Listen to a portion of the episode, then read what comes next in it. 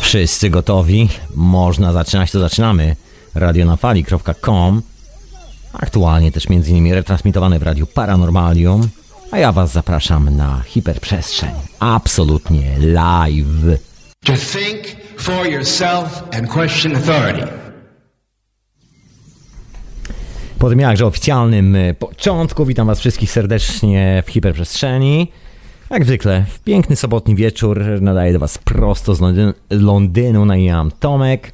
A Wy oczywiście słuchacie Radia na Fali, które jest też e, w tym momencie retransmitowane przez Radio Paranormalium. Pozdrawiam słuchaczy i Radia na Fali, i Radia Paranormalium. Słuchajcie, jestem na czacie, jeszcze nie ma mnie na Skype'ie radiowym, za chwilę będę i się tam e, ujawnię. Także jeżeli chcecie zadzwonić, radionafali.com, taki jest adres na Skype'ie. A dzisiaj troszeczkę takie właściwie zakończenie pewnego tryptyku, no w cudzysłowie tryptyku e, tych tematów, o których rozmawiałem ostatnio, czyli wszystkich spraw związanych z ową transmutacją poniekąd, e, związanych z, e, no właściwie z, z sposobem e, pojmowania rzeczywistości. Pamiętacie jak wspominałem, jeżeli słuchacie wytrwale hiperprzestrzeni o sprawach związanych z reptylianami, różnymi dziwnymi doświadczeniami. No dzisiaj chciałem rozwinąć ten wątek. Mówiłem o tym, że jest to przerwane doświadczenie. Dzisiaj chciałem e, poruszyć temat, co by było, właściwie nie tyle co by było, ile co jest, kiedy nie przerywamy tego doświadczenia. Kiedy damy mu szansę sobie spokojnie płynąć i co wtedy możemy poodkrywać, co możemy spotkać na swojej drodze i troszeczkę takich historii dookoła. Także będą, e, będzie trochę wzmianek o substancjach psychoaktywnych. Inna sprawa, że sezon grzybowy absolutnie, nawet nie tyle w drodze, ile w ogóle właśnie chyba trwa. Zaczęło się robić troszkę zimniej, zaczęły się lekkie chłody, pojawiły się grzyby, pojawiły się różne, różne historie dookoła tego, zjawiska grzybowego, ale rymuje, że nawet nie czuję. Dokładnie. To co, moi drodzy, to może zanim zacznę, oczywiście chciałem bardzo serdecznie popro- pozdrowić wszystkich mecenasów e, Radia na Fali w tym miesiącu. Także spokojnie, Spokojnie mogę ich wymienić, także bardzo chętnie, kochani, was tutaj już wymieniam. Katarzynę, Piotra, Artura, Mateusza, Adriana, Edwarda i Rafała. Pozdrawiam serdecznie, kochani. Dzięki wielkie za wsparcie. Zapraszam oczywiście wszystkich do wspierania, jak zwykle, inicjatywy o nazwie Radio na Fali. Wiecie, jak to zrobić? Przez stronę internetową radionafali.com Come to me. Otóż to, proszę Państwa. E, oczywiście zapraszam do pozostałych audycji Radia na Fali. Pojawił się nowy odcinek Pichontarium. Jeszcze nie zdążyłem nawet kurczę przesłuchać, bo miałem tu gościa z Karaibów. Chciałem go troszkę zaciągnąć przed mikrofon, ale nie udało nam się, ponieważ e, lista zajęć gościa jest tak e, potężna. Ludzi, których musi tu, że tak powiem, obsłużyć, spotkać na miejscu po... Nie będzie w tym mieście prawie rok. Także niestety ta sztuczka się dzisiaj nie udała, ale gość będzie z powrotem za parę tygodni. Też na parę chwil w Londynie, także może się uda ściągnąć przed mikrofon i wrzucić wam kilka opowieści o tym, jak się mieszka, jak się żyje w takim e, egzotycznym miejscu dla mieszkańca Europy, który na co dzień zna zimę, śniegi, zna jesień, zna opadające żółte liście, wszystkie te rzeczy. Jak wygląda mieszkanie w miejscu, gdzie właściwie jest tylko strefa deszczowa, gdzie jest tylko pora deszczowa i pora letnia i ocean dookoła. Ale to może za jakiś czas, moi drodzy, jak tu się gość pojawi, będzie taka możliwość. Także nadstawcie uszy i tu pilnie sprawdzajcie. No właśnie, bo tak wspomniałem o sprawdzaniu, to oczywiście zapraszam na to, żebyście sprawdzali, co jest grane na Facebooku, na czacie radiowym, na który ja zaraz się, na którym zaraz się pojawiam. Już w tym momencie się pojawiam. Żebyście sprawdzali, co jest y, na YouTubie naszym i tak dalej, i tak dalej. Zapraszam oczywiście do wszystkich pozostałych audycji, czyli do Teorii Chaosu, o której wspomniałem, do Pichontarium, nowy odcinek, którego jeszcze nie przesłuchałem, do etykiety zastępczej, która wreszcie w tym tygodniu się pojawi, bo książę Edward z powrotem na swoich włościach. Zapraszam do syntezy oczywiście, swojej autorskiej, bardzo serdecznie. No i zapraszam na konwent wiedzy alternatywnej, czyli materiały audio, wideo. Będzie tego więcej, jeszcze tego nie ma, ale spokojnie, kochani, wszystko jest w drodze. Także jeżeli chcecie jeszcze raz sobie odświeżyć te wszystkie rzeczy, to zapraszam do archiwum Radia na Fali. Tyle. Ta-da-dam. Alas jest z nami, a wysłuchacie oczywiście hiperprzestrzeni w radiu na fali, a na imię Tomek. Już jestem na radiowym Skype, także jeżeli chcecie się odezwać, to zapraszam bardzo serdecznie. radionafali.com na Skype'ie. A dzisiaj A dzisiaj właśnie dokładnie o tym, e, czym jest to nieprzerwane doświadczenie. Bo tak jak wspomniałem e, w kilku ostatnich odcinkach, jakoś tak pomiędzy tymi starożytnymi historiami o liniach energetycznych, o tym całym szaleństwie, które nas troszkę otacza, o nadmiernych teoriach, nadużywaniu pewnych znaczeń, tak można to określić chyba, o tym, że to doświadczenie, że wiele z nas, e, wielu z nas, no, że bardzo wielu ludzi aktualnie miewa, no nie tylko aktualnie, właściwie chyba od zawsze, wieku wieki, różne dziwne doświadczenia, czy to z duchami, czy to ze snami, czy to z wizjami, wszystkie te historie. No i ile nie było nigdy za bardzo w tych pozostałych cywilizacjach, które gdzieś tam e, funkcjonują obok nas, to niekoniecznie są cywilizacje odpowiedzialne za produkcję lodówek, telewizorów z plazmą i wszystkich tych gadżetów. Jakoś tam tego problemu nie ma. Jest o wiele mniejszy odsetek ludzi tak zwanych chorych psychicznie, wiele innych spraw dookoła tego tematu, wszystkich tych spraw dookoła tego tematu.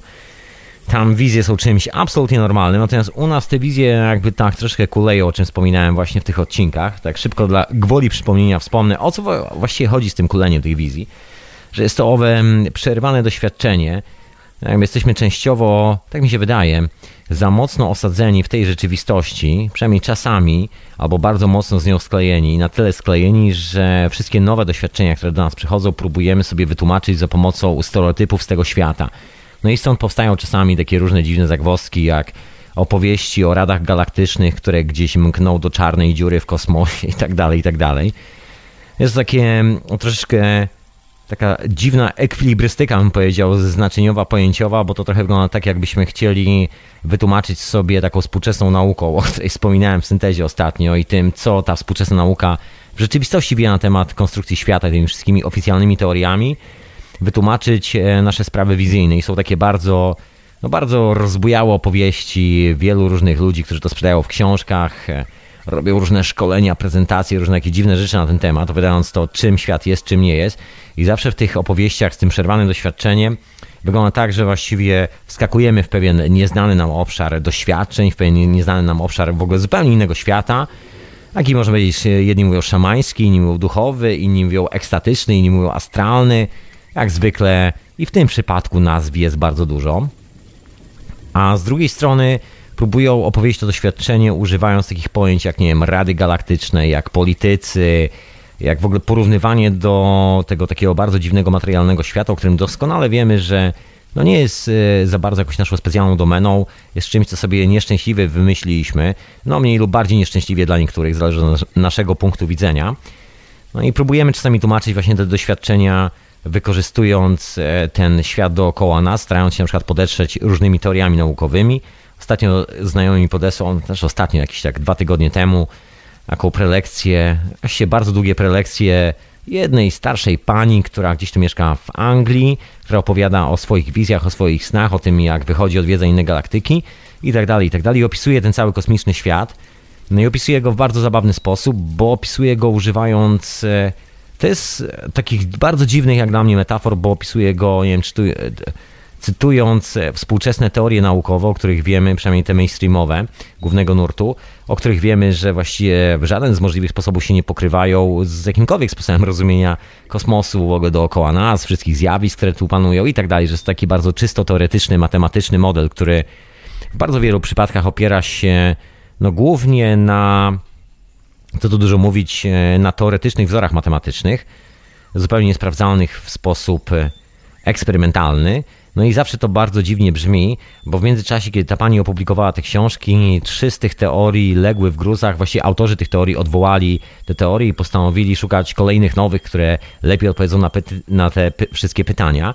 No i to, to jest właśnie to przerwane doświadczenie. Jak mówiąc w takim bardzo wielkim skrócie, no wyszedł z tego taki taka, takie przerażające danie, troszeczkę jak śledzie z lodami waniliowymi, z dodatkiem bigosu, polane sosem waniliowym, E, jeszcze do tego posypane kawą, czy jakoś tak. No nie da się za bardzo tego zjeść, jest po prostu wszystko wymieszane w jednym kociołku. No i jest przerażającym jakim miksem, z którego nic nie wiadomo właściwie o co chodzi. No i wiem doskonale, że wszyscy mamy to doświadczenia, że tak samo jak ta pani, zapomniałem jej nazwiska, ale takich ludzi jest masa, to tylko taki przykład, moi drodzy. Tuż nie, nie chcę koncentrować za bardzo na postaci, o której mówię, bo jakby nie o to chodzi, chodzi o zjawisko. Bo wszyscy próbujemy czasami sobie znaleźć ten y, prawdziwy sens tych wszystkich wizji. Bo nie jest to czasami. Nie, no rzadko kiedy jest to tak oczywiste. Czasami jest oczywiste, czasami nie. To jak ze snami. Czasami się budzimy rano, wiemy dokładnie o czym był sen, a czasami się budzimy i mówimy, kurczę blade, o czym to wszystko było. Jakby ciężko ogarnąć tą historię i dopasować do takiego dnia codziennego i do wszystkich rzeczy, które się dzieją w naszym życiu. No i bardzo podobnie wygląda dokładnie z tymi wizjami tych wszystkich ludzi opowiadających nam już taką składną, gotową wersję wszechświata, że wiedzą na czym wszystko stoi. No i to jest właśnie to owe przerwane doświadczenie, o którym mówiłem ostatnio. Tak w skrócie wielkim mówiąc, przypomina to sytuację, gdybyśmy wzięli jakąś bardzo rozwiniętą dzisiejszą w cudzysłowie technologię, czyli nie wiem, laptopy, wzięlibyśmy nowoczesne maszyny do jeżdżenia, motocykle, helikoptery i wylądowali z całym tym sprzętem gdzieś w środku średniowiecznej Europy. No i zmusili tych ludzi do tego, żeby skonfrontować ich z takim doświadczeniem, z naszym doświadczeniem, z zupełnie innego świata, tak oko w oko, postawić na przykład przed nimi helikopter, postawić laptopa, na którym się wyświetla film z naszych dzisiejszych czasów, gdzie wszyscy są zupełnie inaczej ubrani, wszystko zupełnie inaczej wygląda, dziwne dźwięki z telefonu, w ogóle, że się rozmawia z kimś przez telefon, że się widzi kogoś, to przecież takie magiczne, ruchome obrazki. No to ta osoba prawdopodobnie mocno zwariowała, pobiegła do kościoła i albo byśmy zostali uznani za jakąś emanację diabła w średniowiecznej Europie i natychmiast spaleni żywcem na stosie, albo w drugą stronę. Czy jakoś tak. Generalnie nie ma tego pomostu, tych, brakuje tych 500 lat y, doświadczenia, żeby sobie wytłumaczyć, że zaraz, zaraz ci kolesie, którzy przyjeżdżają z tymi dziwnymi urządzeniami, to są kolesie z przyszłości prawdopodobnie, albo coś w tym stylu. Więc podejrzewam, że dokładnie taki sam clash, y, takie samo zderzenie występuje w takich sytuacjach, gdzie mamy do czynienia z takimi bardzo intensywnymi wizjami, które nie do końca mają szansę się rozwinąć, nie do końca mają czas, żeby znaleźć swoje ujście, wszystko jest tak troszkę rwane i próbujemy, próbujemy to czasami, tak mi się wydaje, za szybko skapitalizować. I żeby to skapitalizować, zaczynamy sobie szukać jakichś nowych pojęć, e, może nie tyle nowych, ile staramy się to ubrać w pojęcia, które aktualnie istnieją, żeby zrobić z tego coś, co ma jakiś sens dla współczesnego świata, chociaż nikt tak naprawdę nie powiedział, że sens naszych wizji jest tak bez, musi być albo jest bezpośrednio związany ze światem fizycznym, w którym funkcjonujemy, z tym światem praw fizycznych, z tym, e, no nie wiem, z tym całym zamieszaniem dookoła. Łącznie z systemem ekonomicznym, łącznie z systemem politycznym, łącznie z kwestiami relacji między nami. Może tak nie do końca wygląda. Ja podejrzewam, że właśnie wygląda troszeczkę inaczej, że jesteśmy wysyłani do troszeczkę innego miejsca, w cudzysłowie można powiedzieć równoległego, albo do wielu równoległych miejsc, albo sami się tam wysyłamy. I z powodu na to, że ten, e, że ta wycieczka jest czasami taka krótka, gdzieś tam umyka ta połowa. To jest naj, chyba najlepszym przykładem tutaj było porównanie tego do snów. Że nie zawsze nam się trafia, żebyśmy na przykład zapamiętali cały sen. Przynajmniej ja, ja mam takie sytuacje, że na przykład pamiętam tylko jeden albo dwa sny z całej nocy, a wiem, że cała historia była mocno epicka i że właściwie to było na przykład siedem snów albo pięć snów. Przy czym pozostałe oczywiście zapomniałem. I w pewnym momencie przypominam sobie, że te historie były w jakiś tam sposób ze sobą związane. Jedna przechodziła w drugą, tylko za żadnego diabła nie jestem w stanie sobie przypomnieć tego z momentu przejścia. No i tu zawsze każdy z nas może zacząć e, kombinować, zacząć budować sobie nowe pojęcia, albo właściwie skorzystać z tego, co nam przynosi cywilizacja, czyli zacząć teraz porównywać to do czarnych dziur, do jakichś galaktycznych rad, do jakichś, no nie wiem, reptylian, do jakichś dziwnych stworów. Szukać generalnie problemu tam, gdzie go po prostu nie ma bo jest to tylko i wyłącznie no, nasze przerwane doświadczenie.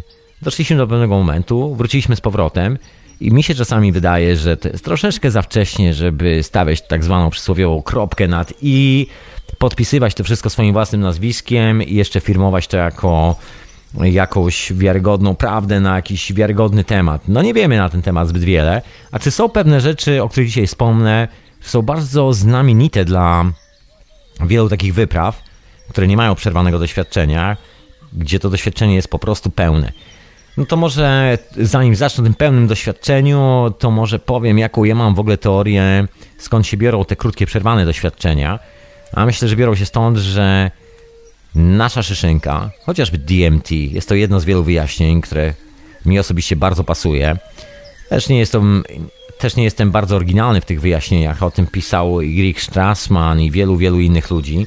Takich ludzi, którzy się zawodowo nazywają lekarzami, psychologami, pracują z tymi substancjami psychoaktywnymi, pracują z ludźmi, którzy mają problemy, siedzą z nimi, obserwują ich, e, spisują ich wizje, rozmawiają z nimi. To wszystko pozostaje gdzieś tam spisane w dokumentacji medycznej, no i dzięki temu wiemy, że pewne rzeczy się czasami powtarzają.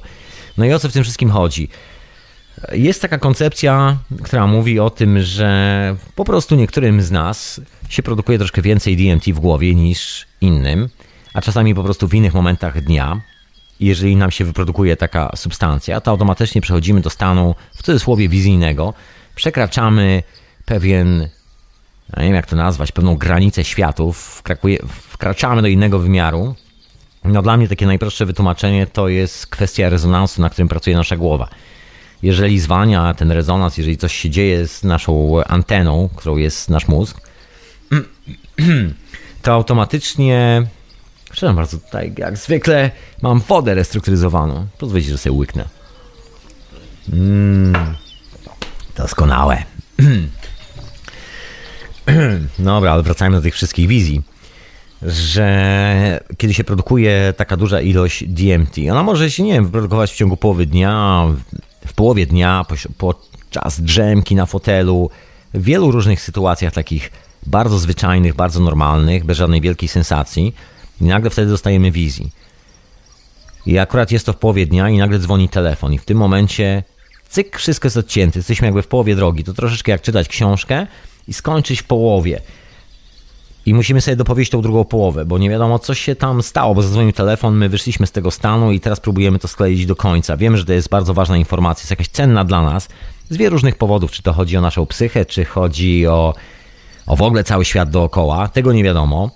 To możemy sobie dowolnie spekulować, no ale generalnie jest to taka książka skończona w połowie, jest takie bardzo fajne opowiadanie Jacka Londona sprzed chyba 100 lat, taki zbiór opowiadań z Dzikiego Zachodu, jest taka piękna historia o tym, jak zasypało górników w jakiejś kopalni, no i czekali, aż ich odkopią. Mieli tam zapasy jedzenia, widzieli, że ich odkopują, że to chwilę potrwa, no ale z nudów nie mieli co robić. I gdzieś tam któryś z nich znalazł jakiś szczępek gazety przysypany jakimś gruzem. Udało mi się wyciągnąć ten szczępek gazety. Tak, i zaczęli czytać po prostu, co tam jest w tej gazecie, tak żeby się nie zanudzić. Mieli te lampki oliwne, mieli troszkę światła, tak żeby sobie dodać troszkę rozrywki, siedząc i czekając na pomoc, czytali tą samą historię w kółko. No i była to historia, która się tam zaczynała. Nie opowiem wam o czym była ta historia, to już znajdźcie to opowiadanie Czeka Londona, to jest zestaw 40 parę opowiadań, to, znaczy nie 40 parę, 49 czy 8 jakoś tak, opowiadania z Dzikiego Zachodu. Taki zbiór.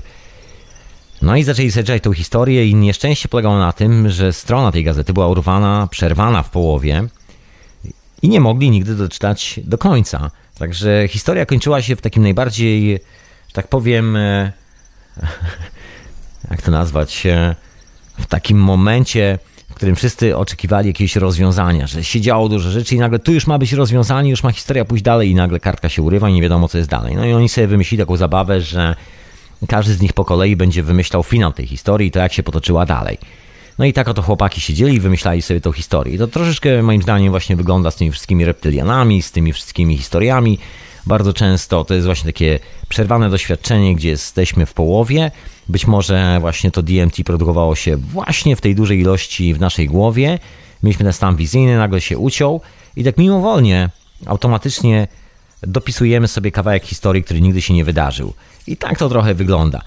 Chociażby biorąc e, na warsztat wszystkie te naukowe odkrycia, na które się czasami powołują e, ludzie, którzy twierdzą, że właśnie odkryli na czym polega sens naszego istnienia, sens naszego świata, że kontaktują się z radami galaktycznymi, że widzą obcych, e, że widzą jakieś stwory wężowe itd., tak itd. Tak Wcale nie neguję, że można widzieć takie rzeczy absolutnie, szczególnie w stanie wizyjnym, podróżując do różnych wymiarów, kiedy ta częstotliwość pracy naszej głowy się troszeczkę zmienia i nawet samej definicji częstotliwości, takiej czysto naukowej już szpal licho, jaka ta nauka jest, ale no pewne rzeczy są dosyć logiczne i tu ciężko byłoby się z nimi kłócić.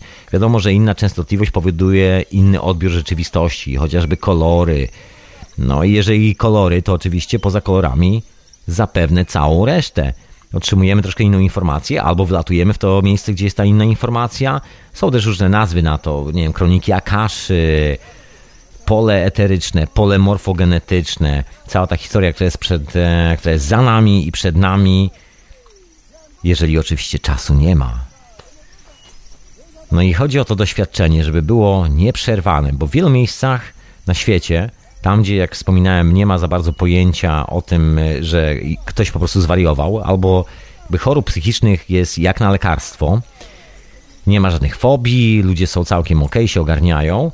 Tam jest miejsce chyba na przeżycie tych doświadczeń, przynajmniej tak to wygląda troszkę z mojego punktu widzenia.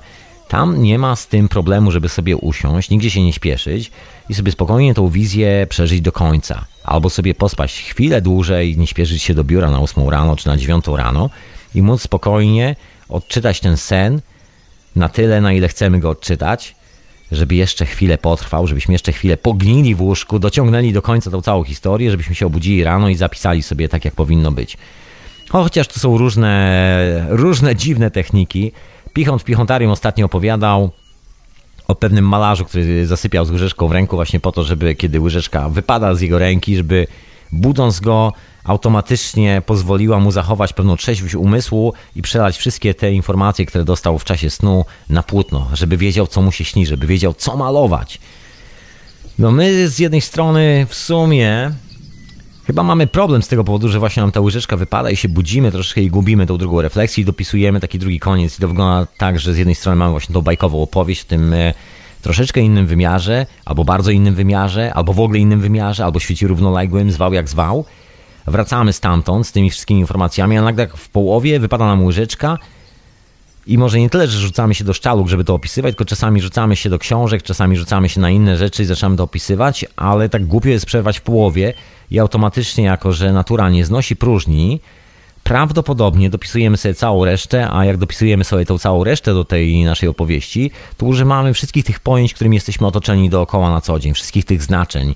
I dlatego właśnie Prawdopodobnie człowiek w głębokim średniowieczu, który zobaczyłby helikopter, nas wyskakujących z helikoptera w tych hełmofonach, kaskach albo nawet współczesnych ubraniach, z laptopami, tabletami w ręku, na których coś się rusza, prawdopodobnie albo by zwariował, albo by został bardzo religijnym człowiekiem, bo stwierdził, że zobaczył samego diabła, który w, podczas jakichś piorunów z nieba, jakiś łomot przyleciał jakąś maszyną, która po prostu prawie go ogłuszyła, wiatr, yy, jakieś obrazki, które się ruszają, nie wiadomo kto jest kto, co jest co. Takie kompletne zamieszanie i podejrzewam, że bardzo podobnie by to wyglądało. No w innych miejscach, tak troszeczkę nawracam do tych miejsc, znaczenie e, kwestii odwiedzin innych światów, nie wiem, wizji, można sobie nazywać na różne sposoby, na wiele sposobów, jest troszeczkę inaczej pojmowane społecznie. Mamy na to czas i ludzie, którzy mają kontakt z tą rzeczywistością, są traktowani jako no tacy porządni, że tak powiem, zacni obywatele, bo nie każdy, nie każdemu się może, może każdy ma predyspozycję, ale nie każdemu prawdopodobnie się chce dealować z takim światem, dlatego prawdopodobnie szamani mają zawsze taką wysoką pozycję, że są często bardzo ważni w plemieniu, a są czasami ważniejsi od wodzów. Czasami to to szamanki. Różnie to wygląda, ale status jest bardzo poważny. To nie jest w kij dmuchał zanim się podejmie jakąkolwiek decyzję, idzie się do człowieka z wizjami, żeby sprawdzić, czy przypadkiem ta wizja tej rzeczywistości, którą chcemy zbudować w tym aktualnym świecie, w którym nasze stopy dotykają Ziemi, będzie miała, tudzież ma jakieś pokrycie z jakimiś światami równoległymi, żeby to wszystko zsynchronizować. No wiara w to, że jesteśmy zsynchronizowani z wieloma światami w tych plemieniach w cudzysłowie, no nie zginęła, nie zginęła, jest cały czas. I myślę, że jest to bardzo ciekawe nie tylko z punktu widzenia jakby informacji, która jest stamtąd przynoszona, tylko jakby nawet z punktu widzenia jak funkcjonuje społeczeństwo i jak ogarnia rzeczywistość, gdzie siebie widzi jako istoty, czy też zawęża siebie do życia w tylko i wyłącznie jednym wymiarze, tak jak bardzo często w naszej cywilizacji, gdzie zamężamy się tylko i wyłącznie do tego materialistycznego świata i bardzo wiele naszych twierdzeń, bardzo wiele naszych przekonań, bardzo wiele stereotypów funkcjonuje tylko i wyłącznie na bazie tego, że no jesteśmy troszkę tak sprasowani z e, tym, co jest dookoła nas. Jeżeli coś jakby wyskakuje poza tą rzeczywistość, to albo przymykamy na to oko, albo staramy się troszkę zanieść to pod dywan, albo traktujemy to jako sensację, taką rozrywkę. No nie ma w tym takiego statusu poważnego, że właśnie trafiliśmy na moment synchronizacji światów, i że dzięki tej synchronizacji możemy na przykład podjąć jakąś lepszą decyzję, albo gorszą, albo w ogóle cokolwiek, że generalnie mamy taką w cudzysłowie podpowiedź z innego wymiaru i dzięki temu jest szansa, że narobimy mniej zamieszania z naszymi decyzjami w świecie dookoła nas. Taka zwyczaj, historia. To co? To ja może jakąś muzyczkę, proszę Państwa. Ja przypominam, że cię śmiał zadzwonić do radia na fali. A ja dzisiaj tak y, słonecznie, też troszkę elektrycznie po ostatniej syntezie, to Was zapraszam oczywiście egocentrycznie do ostatniej syntezy, gdzie też troszkę poruszam ten temat od strony technicznej. No i się opowiem o jakby pewnych aspektach tej energii, która się pojawia związanej z podróżowaniem pomiędzy wymiarami, kiedy to doświadczenie zupełnie nie jest przerywane, kiedy może się odbyć od początku do końca. A wysłać oczywiście radia na fali. Ja mam na imię Tomek, audycja nazywa się Hiperprzestrzeń, jest retransmitowana w Radiu Paranormalium. No właśnie dzisiaj e, taki temat, e, o, trochę można go zatytułować stronę światła w sumie. Troszkę grzybowo-kwasowy bym powiedział o doświadczeniach. No właśnie, bo dlaczego wspomniałem e, na początku o tym przerwanym doświadczeniu?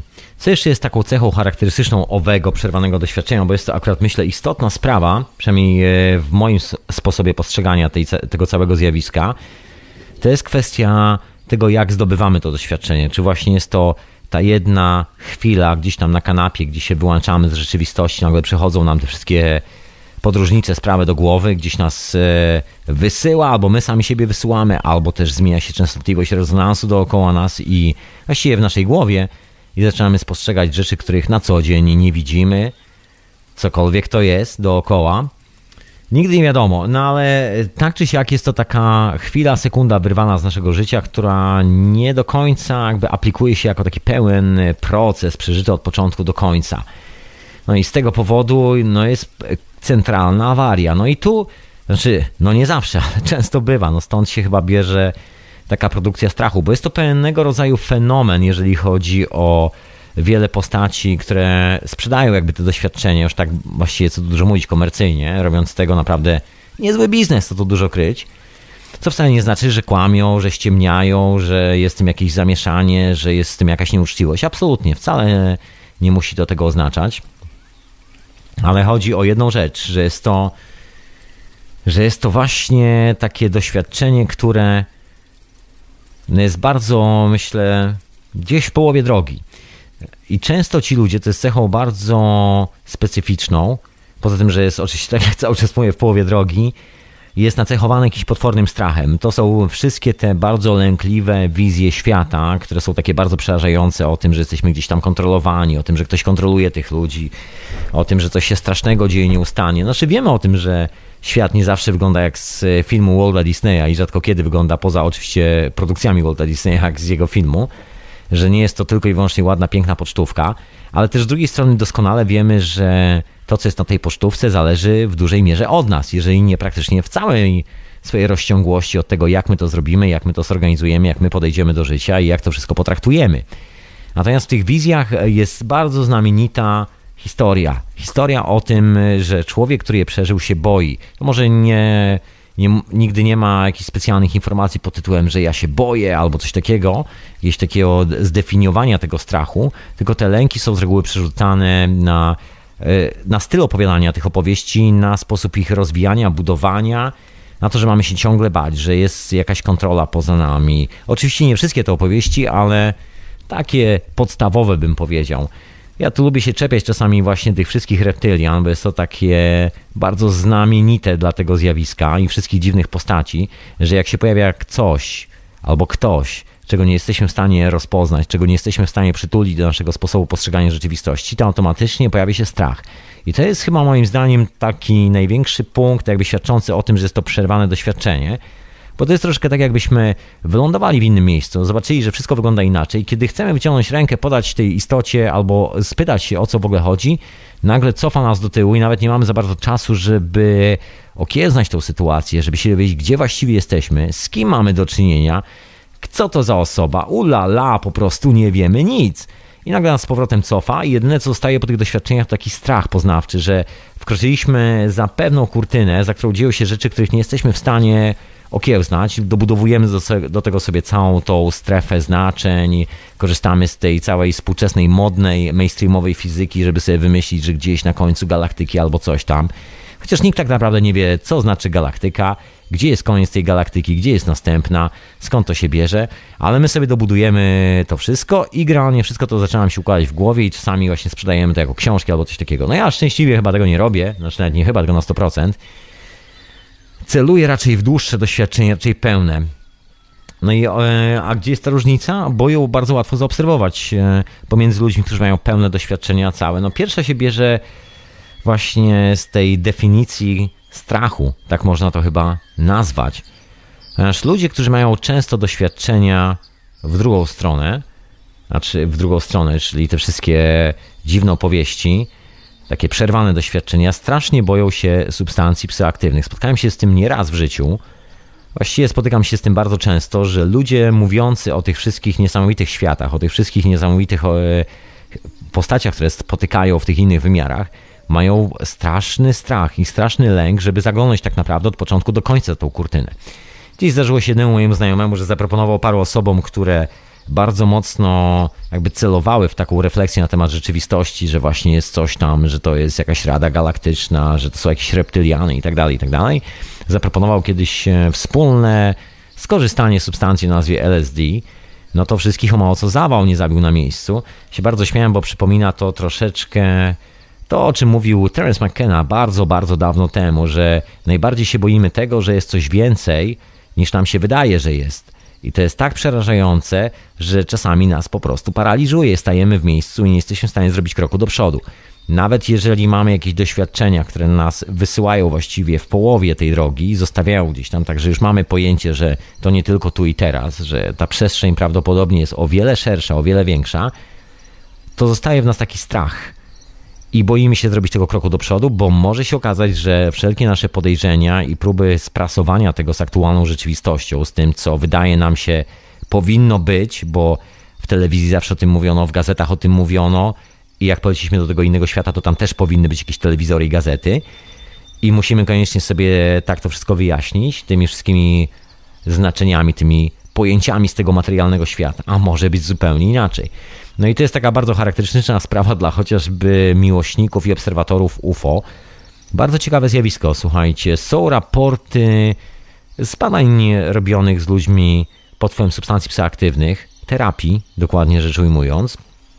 No i bardzo często ci ludzie zgłaszali, już od lat 60., właściwie połowy lat 50., bardzo często zgłaszali, że mają kontakt z innymi cywilizacjami, że widzą pewne obiekty na niebie, których normalnie nie widać. Że wystarczy, że się przestroi troszeczkę naszą głowę za pomocą tych substancji i już zaczynamy dostrzegać sprawy, których ani kamera, ani aparat fotograficzny, ani żadne przedmioty, które są w stanie utrwalić to, co utrwala normalnie w tym wymiarze nasz wzrok, nie są w stanie absolutnie zrobić, ale doświadczenie jest na tyle intensywne, że ludzie o tym śmiało mówią i nie mają z tym problemu i opisują je bardzo precyzyjnie.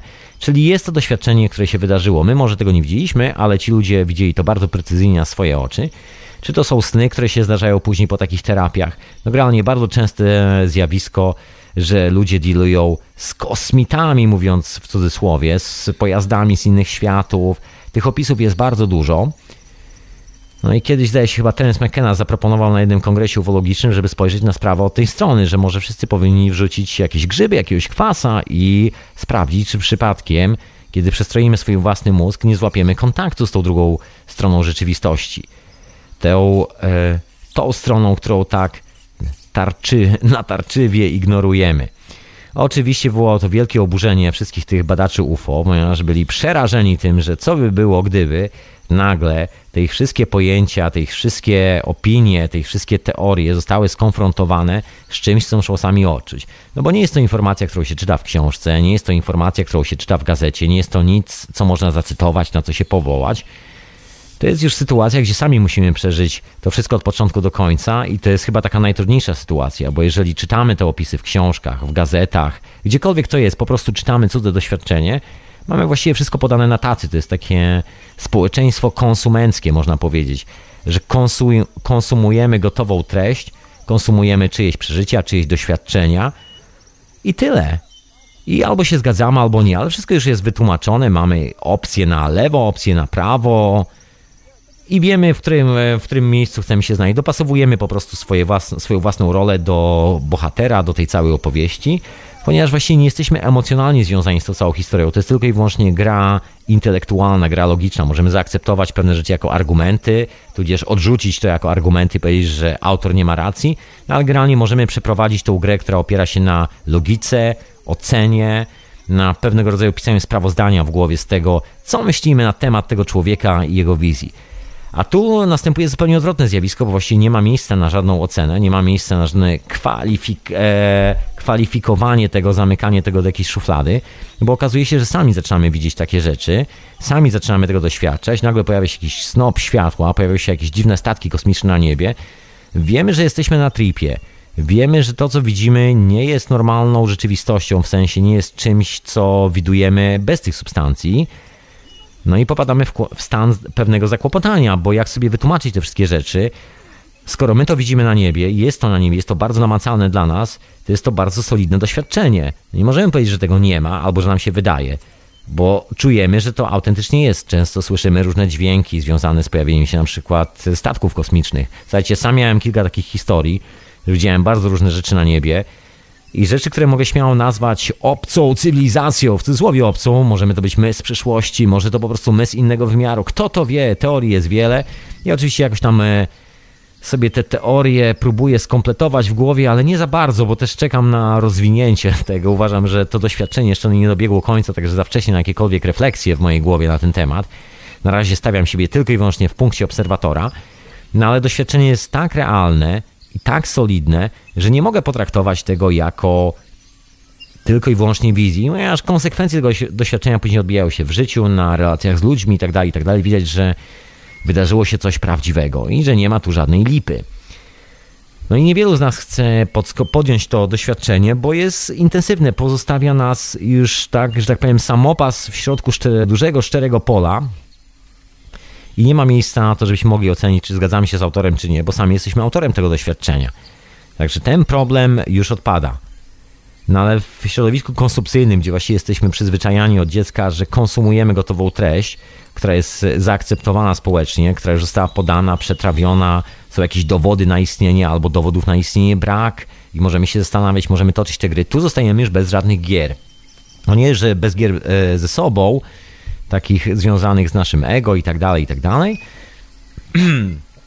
to jeszcze zostajemy bez tej gry intelektualnej. Po prostu widzimy rzeczy, których nie jesteśmy w stanie przyłożyć niczym linijkę do naszej aktualnej rzeczywistości. Trzeba sobie z tym poradzić. No i wielu, z, wielu, wielu, wielu, wielu, wielu ludzi twierdzących, że zajmuje się badaniem różnych zjawisk ezoterycznych, różnych zjawisk UFO, różnych innych zjawisk, ma bardzo poważny problem właśnie z tym doświadczeniem, z tym, żeby samemu przejść przez te szklane drzwi, otworzyć je, znaleźć się po drugiej stronie i zobaczyć, czy przypadkiem tam nie ma tych wszystkich rzeczy, o których tak zawzięcie dywagują, o których tak dyskutują, y, że może jest coś poza tymi książkami, że może w tym doświadczeniu tkwi prawda. No nikt za bardzo nie chce tego zrobić. To jest, y, to jest chyba największy problem tego wszystkiego, że no, ciągle dealujemy z tym doświadczeniem do połowy. I właściwie taka jest nasza kultura, że robimy coś do połowy, stajemy w miejscu i czekamy, co się wydarza. Właściwie nie dzieje się nic, także zostajemy z, tym, z tą logiczną grą. I część rzeczy obserwujemy do tego momentu, do którego nam pasuje, do którego nie musimy być zaangażowani emocjonalnie oraz w jakikolwiek inny sposób. I na tym poprzestajemy, ponieważ wejście zbyt głęboko spowodowałoby być może utratę naszych stereotypów. No czujemy chyba, myślę, to podświadomie, a myślę, że to chyba taki największy strach nas samych, tak jak mówił Terence McKenna, przed zobaczeniem tego, że przypadkiem jest więcej niż mniej i wtedy byśmy musieli tak czy siak zrewidować często swoje poglądy na życie, swoje poglądy przede wszystkim na samego siebie, swoje poglądy na ludzi dookoła, swoje poglądy na rzeczywistość, czym tak naprawdę są rzeczy dookoła mnie i wiele, wiele, wiele innych rzeczy. No właśnie, a propos rzeczy, no to stawia duży taki znak zapytania, ponieważ wszystkie te, że tak powiem w cudzysłowie, tripowe historie mają często taki element, który jest związany z tym, że jakby przestajemy odbierać materię dokładnie w taki sposób, w jaki ją odbieramy w tym momencie, w tej rzeczywistości. I to jest chyba taki podstawowy, podstawowy, podstawowe miejsce, w którym te wszystkie sprawy się zderzają i następuje taki wielki clash, wielkie zderzenie cywilizacji cywilizacji, która istnieje i cywilizacji, która być może jest tuż obok, też istnieje. bo te raporty na temat, czy to właśnie statków kosmicznych, jak wspomniałem, czy spotykania istot z innych wymiarów są naprawdę tak intensywne, jest tego taka masa, że ciężko to odrzucić. Oczywiście no możemy e, starać się to skategoryzować takimi logicznymi pojęciami, że tak długo jak nie mamy zdjęcia żadnego obiektu latającego, na tyle wiarygodnego, żeby w niego uwierzyć, to nie będziemy w to wierzyć, że wszystko musi mieć potwierdzenie w tej materii, zmaterializować się w taki wyłącznie sposób. No ale tak jak wspomniałem, jest to związane z naszym systemem wierzeń, w którym jesteśmy wychowywani, że żyjemy w tylko jednym wymiarze, w tym materialnym, żadne inne wymiary nie istnieją. Chociaż każdy z nas, słuchajcie, kładzie się spać i każdy z nas śpi przez te 8 godzin, czy jakoś tak, każdy z nas ma sny, a dalej cywilizacja pracuje nas w taki sposób, że nie wierzymy w swoje własne sny. Nie szukamy tego miejsca synchronizacji, nie szukamy tego momentu, w którym się przenikają informacje z wielu wymiarów. No właśnie, jak to robią ludzie w troszeczkę innych miejscach, gdzie jest trochę dziko. No tam y, jest trochę tak, tak jak wspomniałem wcześniej, nawet nie trochę. Tam jest tak, że człowiek, który ma takie doświadczenie, jest bardzo szanowany. Właśnie z tego powodu, że on najszybciej z całej wioski, tudzież z całej społeczności lokalnej odbierze te momenty synchronizacji. Wiadomo, że jeżeli jesteśmy, no tu trzeba też założyć pewien paradygmat, że jesteśmy energią, która się materializuje na tym świecie, że jeżeli jest jakaś synchronizacja w świecie równoległym, energetyczna i my się w tym momencie synchronizujemy z tą samą energią, to automatycznie jesteśmy podpięci pod większy zbiornik, e, pod więcej informacji. Możemy wyciągnąć coś dla siebie. To jest taki moment, gdzie wszystkie światy się komunikują, wszystko się wyrównuje, balansuje.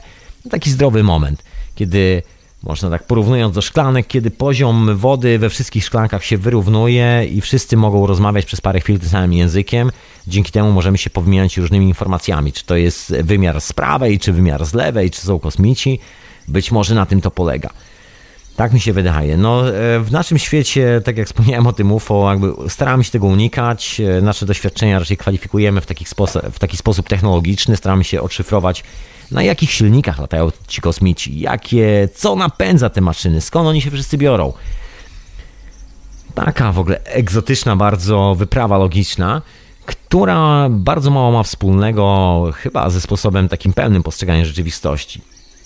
Jak na ironię, owych miejscach, gdzie używa się substancji psychoaktywnych, a jest naprawdę masa takich miejsc na świecie, ja to nie chcę wymieniać specjalnie, chociaż wszyscy doskonale wiemy, że Amazonia i wiele, wiele innych miejsc tego słynie, że te substancje są tam częścią normalnego funkcjonowania. W Afryce jest i bogamina, która jest taką substancją, która pozwala łączyć się z duchami przodków i w ogóle z duchami, których na co dzień tutaj nie widzimy i, od, że tak powiem, odwiedzać światy w cudzysłowie równoległe gdzie jest część naszej, przynajmniej według tej pradawnej wiary, tej pradawnej opowieści, o której my już dawno zapomnieliśmy, gdzie jest druga część nas samych, bo właściwie mieszkamy w wielu różnych wymiarach.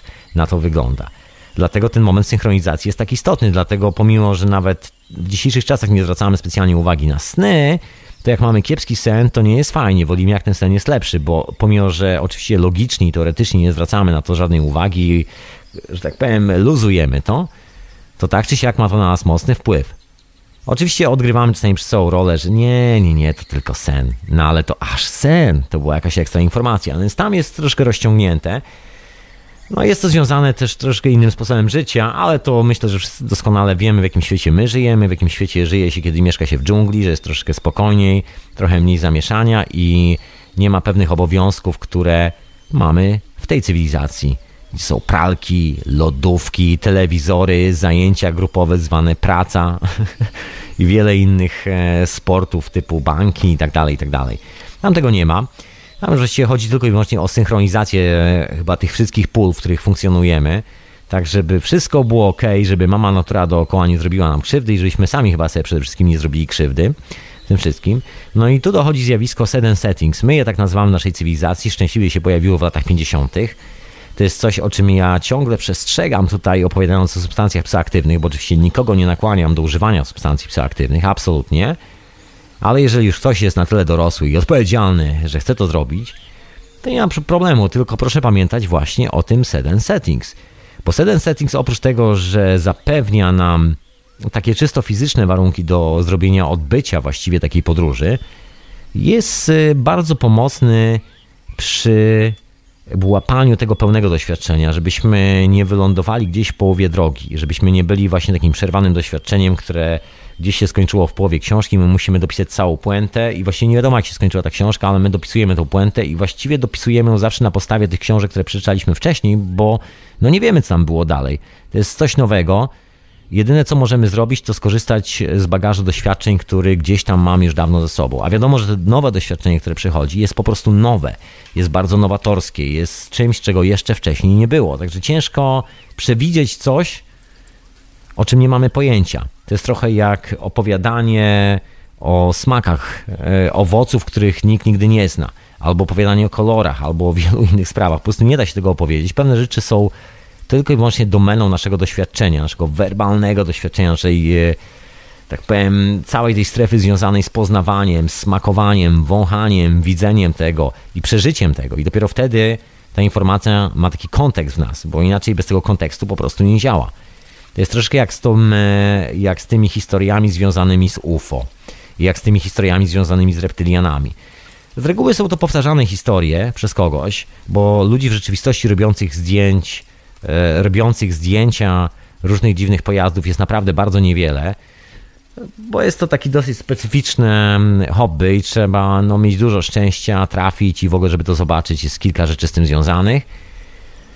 No i z reguły się dyskutuje nie o własnych zdjęciach, tylko o cudzych zdjęciach.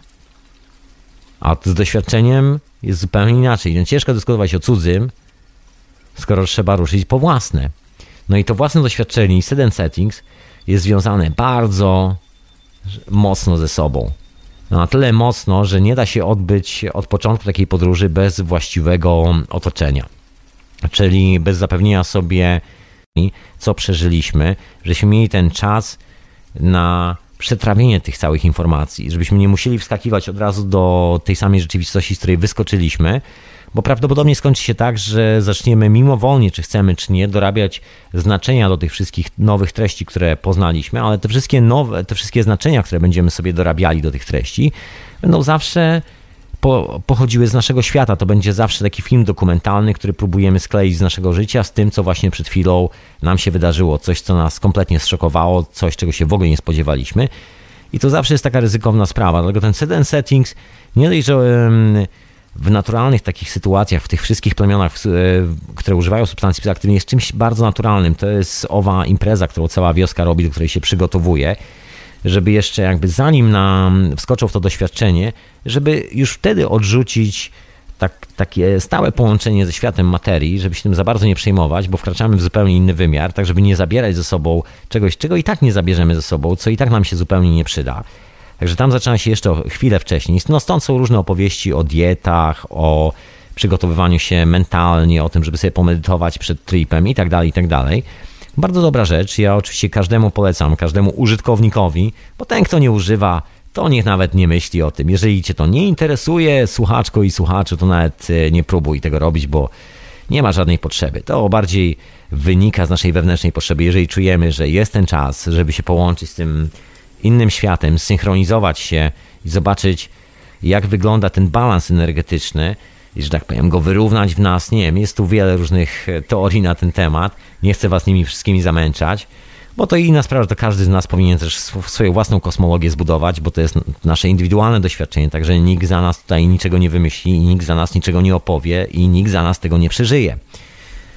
Także lepiej jest, myślę, wziąć sobie troszeczkę czasu wcześniej, żeby też nie podchodzić właśnie z marszu. I myślę, że to takie bardzo zdrowe podejście, że jest to taka pełna świadomość uczestniczenia w tym procesie łączenia się z troszeczkę innym wymiarem, który, którego punktem wspólnym wcale nie jest materia, wcale nie są przedmioty, nie jest ten cały fizyczny świat dookoła nas, tylko jest coś, co dzieje się gdzieś na zupełnie innej płaszczyźnie. I dobrze jest ten jeden dzień się zacząć odstrajać troszeczkę od tej, te, tego stałego, twardego wymiaru, po to, żeby nie ciągnąć zbyt wiele spraw za sobą. Bo ich się po prostu nie da ciągnąć, możemy stracić po prostu dużo energii i akurat te rzeczy mogą nas ściągnąć w połowie tripu po prostu w dół. No kolejna rzecz, taki klasyczny set and settings, który my nazywamy już set and settings tutaj w naszej cywilizacji, czyli żeby sobie znaleźć spokojne miejsce. No ja to zawsze postuluję o miejsca z naturą. Teraz e, jest sezon grzybowy, no i z tymi substancjami jest w ogóle bardzo ciekawa sprawa, że one też poniekąd, no może nie wymuszają na nas, ale bardzo często jeżeli się cofniemy do wszystkich tradycji związanych z przyjmowaniem tych substancji i dealowaniem tej rzeczywistości, jest to połączone z robieniem tego dokładnie w miejscach, gdzie te substancje rosną. Że to nie jest do końca, tak jak my to pojmujemy, w, troszeczkę w odbiorze takim aptekarskim, że jesteśmy chorzy, idziemy do apteki, kupujemy proszki, wracamy do domu, łykamy proszki w domu i w, w domu dochodzimy do siebie. Tam jest troszkę inna metodologia, zupełnie inna percepcja rzeczywistości od tej strony. Jeżeli idziemy po przysłowiową tabletkę w cudzysłowie, czy idziemy po grzyba albo po jakąś roślinę, to robimy dokładnie to w miejscu, w którym ta roślina występuje, po to, żeby, y, od, żeby odebrać całe spektrum tej sytuacji, tej informacji, ponieważ normalne jest to, że ta roślina, którą właśnie zużyjemy, czy też ta substancja, która się pojawi w naszym organizmie, jest związana ze światem, w którym wyrasta. I to nie jest do końca tak, że to jest gdzieś obok. To jest, ten, to, jest to naturalne połączenie z materią, która tu funkcjonuje. Że właściwie nie musimy od niej uciekać, po prostu musimy zapomnieć o rzeczach, które my produkujemy, o jakby naszym, naszej aktywności, o tym, co my robimy. Zobaczyć na to, co, nie wiem, przyjrzeć się roślinom, zobaczyć na to, co jest dookoła nas, nic więcej. Nie zabierać ze sobą swojej własnej, że tak powiem, produktywności i efektywności i skorzystać z tej informacji, która jest obok nas, ale na troszeczkę innym wymiarze, na troszkę innej częstotliwości. No i to jest chyba taki podstawowy jeden setting, żeby robić w miejscach, w których te rośliny rosną. No oczywiście nie zawsze jest z tym taki komfort, bo nie zawsze jest fizycznie taka możliwość w naszym świecie. No nie żyjemy wszyscy w dżungli. Niektórzy z nas być może mają to szczęście, że czasami po prostu bywają w takich miejscach i to jest o wiele łatwiejsze. Robić wszystko na miejscu, gdzie wszystko jest ze sobą cały czas nieustannie powiązane, połączone tysięcy lat ta informacja wiadomo jest wtedy mocniejsza. No niemniej, jeżeli używamy z roślin, to najlepiej robić je, że tak powiem, w otoczeniu roślinnym. To jest chyba taki najzdrowszy pomysł na to wszystko, żeby nie uciekać od tej informacji, żeby korzystać z tej informacji, która jest tu z nami i nie robić tego w domu, nie robić tego w otoczeniu różnych dziwnych, szalonych przedmiotów, tylko robić to tam, gdzie te rośliny rosną. O, to jest taka moja właśnie refleksja na temat używania między innymi grzybów e, z psylocybiną, czyli w ogóle psylocybiny. Ostatnim miejscem na używanie psylocybiny jest miasto, ostatnim miejscem na używanie psylocybiny jest pomieszczenie zamknięte. Nie wiem jak wy, jeżeli ktoś z was używał, e, używa psylocybiny, korzysta z tej substancji i ma jakieś inne doświadczenia, to zapraszam, żeby zadzwonił radionafali.com, taki jest adres na Skype'ie. Natomiast moje doświadczenie jest takie dosyć radykalne, bym powiedział absolutnie odradzam sobie samemu robienia tego w domu, robienia tego w zamkniętych pomieszczeniach. To w ogóle nie działa i w ogóle z dala od tak zwanej cywilizacji. Jest to taka elementarna sprawa przy tej substancji, ponieważ ona się zupełnie nie chce kleić. Jakby percepcja, która się pojawia po, po, po zdilowaniu tych substancji, zupełnie nie chce się kleić z tym światem, który wymyśliliśmy i konstruujemy dookoła jest bardzo często w mocnej opozycji. Jakby ten świat wysyła zupełnie inną informację do nas. Wszystkie te urządzenia techniczne, zaprojektowane rzeczy, niekoniecznie może przez nas, wystarczy, że mamy meble dookoła siebie, te meble są zaprojektowane w jakiś taki sposób zupełnie cywilizacyjny i kiedy wracamy do mamy natury, odpalamy te wszystkie receptory w głowie, dzieje się ta niesamowita historia, może być tak, że te rzeczy nie będą do siebie absolutnie pasowały i będą powodowały ten dysonans poznawczy.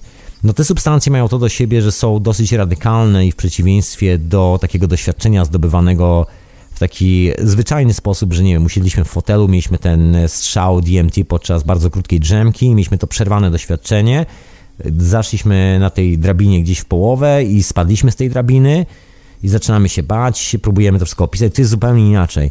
Tu potrzeba po prostu spokoju na to wszystko, trzeba na to czasu i dobrze jest sobie ten czas dać i ten czas i otoczenie przede wszystkim. I to otoczenie musi też pasować do tego tripu. Nie można tego zrobić w fotelu, ponieważ wtedy może być tak, że cały ten świat zewnętrzny będzie próbował się wyzwolić się.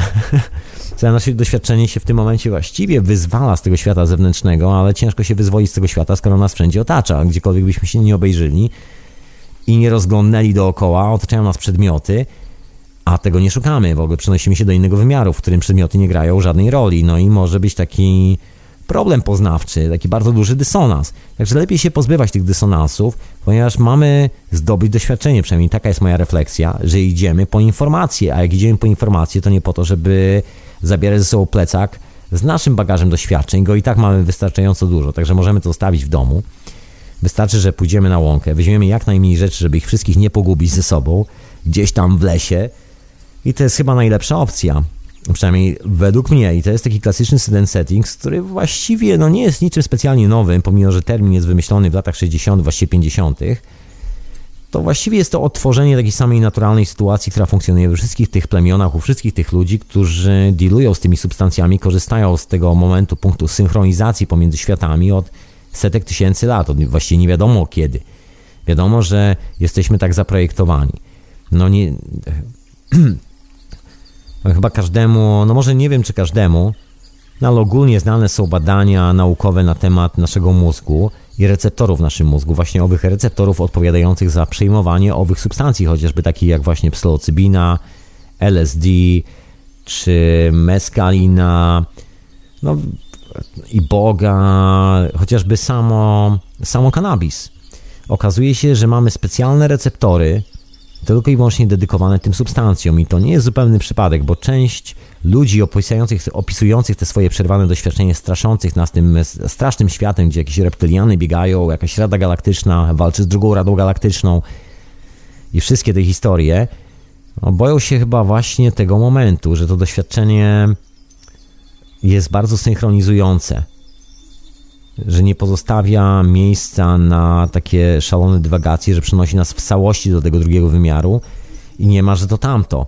No i to jest chyba taki podstawowy strach, dlatego lepiej, jeżeli chcemy zdobyć jakąś informację, skorzystać z tego. I tam jest jeszcze taka historia, że często wielu z tych ludzi mówi, że to jest coś z zewnątrz, że to jest sztuczna substancja podawana do organizmu, że to jest jakiś tak zwany narkotyk, że to nie jest esencją nas samych.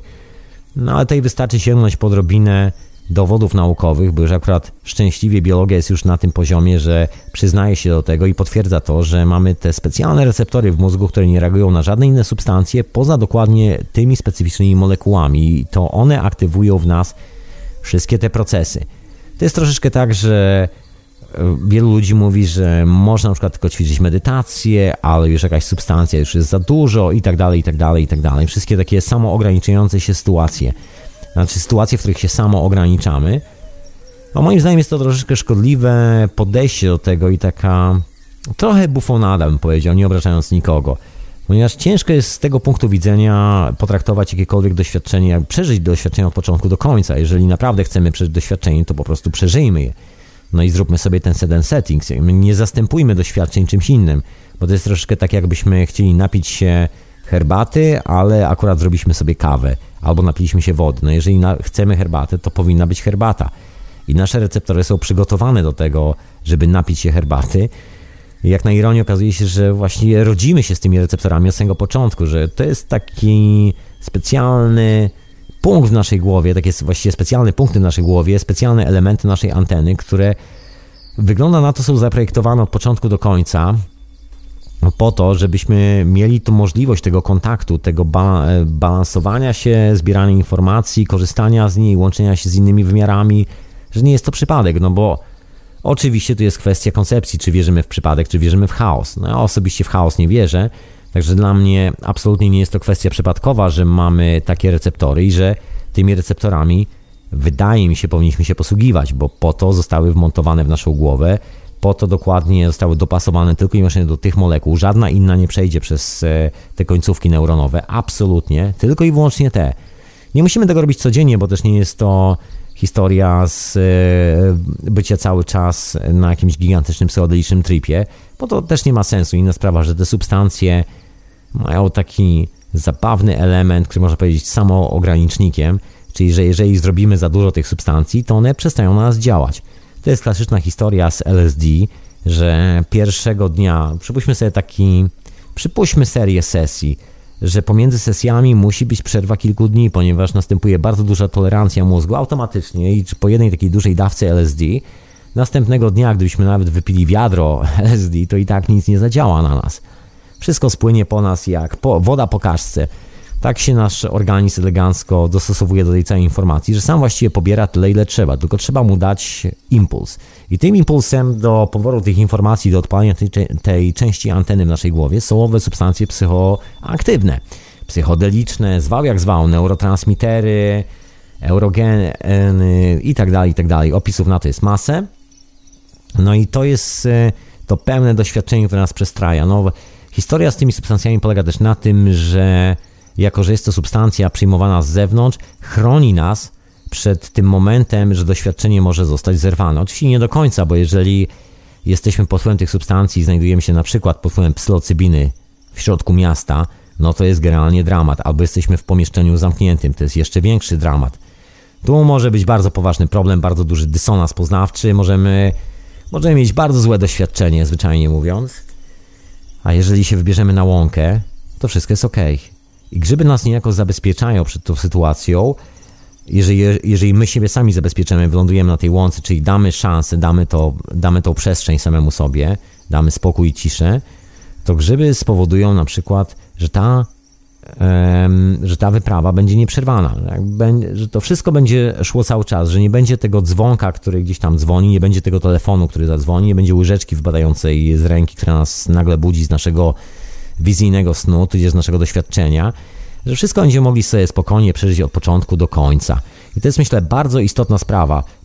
Te substancje zapewniają nam taki pełny trip od początku do końca, że możemy zdealować tą całą informację. Mamy na to parę godzin, to jest naprawdę sporo czasu. Jeżeli jedna sesja jest za mało, możemy sobie zrobić parę sesji, przeżyć to wszystko od początku do końca, zapytać się tych postaci po drugiej stronie, o co chodzi, i o co w ogóle, na czym polega cała ta historia. Mamy czas, mamy po prostu czas, możemy to zrobić. Normalnie jest z tym troszeczkę problem, bo właśnie ta łyżeczka, telefon zadzwoni, albo nasze sklejenie z rzeczywistością się odezwie, budzimy się z tego snu na sofie, jesteśmy gdzieś tak zawsze w połowie drogi. A ten jeden setting wcale nie jest taki głupi, bo on chyba odpowiada za utrzymanie naszego zdrowia psychicznego. Często się słyszy, że ludzie pod wpływem substancji psychoaktywnych troszeczkę zwariowani. No poza tym, że w 99,9% jest to urban legend i są to takie propagandówki po to, żebyśmy wszyscy wierzyli, że te substancje są szkodliwe, że nam zaszkodzą, że powinniśmy łapać za jakieś piwo albo za jakąś flaszkę czy jakoś tak i to nas, że tak powiem, postawi bardziej do pionu, to, e, to właściwie chyba nic tam nie ma. Bo w rzeczywistości jest troszeczkę inaczej. No pod tym warunkiem, że oczywiście sobie sami zbudujemy to miejsce we właściwy sposób. A tymczasem, moi drodzy, jakaś muzyczka, tak gadam o tym budowaniu tego miejsca, o tym sudden settings, takie wiecie, troszkę grzybowo opowieści, troszeczkę o tym, jak zdealować to doświadczenie, przynajmniej od mojej strony. Może się kiedyś komuś przyda. I don't know. A wysłać oczywiście radia na fali, a na imię Tomek, a audycja nazywa się Hiperprzestrzeń. Jest też retransmitowana w Radiu Paranormalium, zatem pozdrawiam słuchaczy, oczywiście matczynego Radia na Fali, Pisanow kochani, Radia Paranormalium, Pisanow. E, ja tymczasem sobie siedzę na czacie Radia na Fali, tam jednym okiem podczas e, słuchania muzyki zaglądam.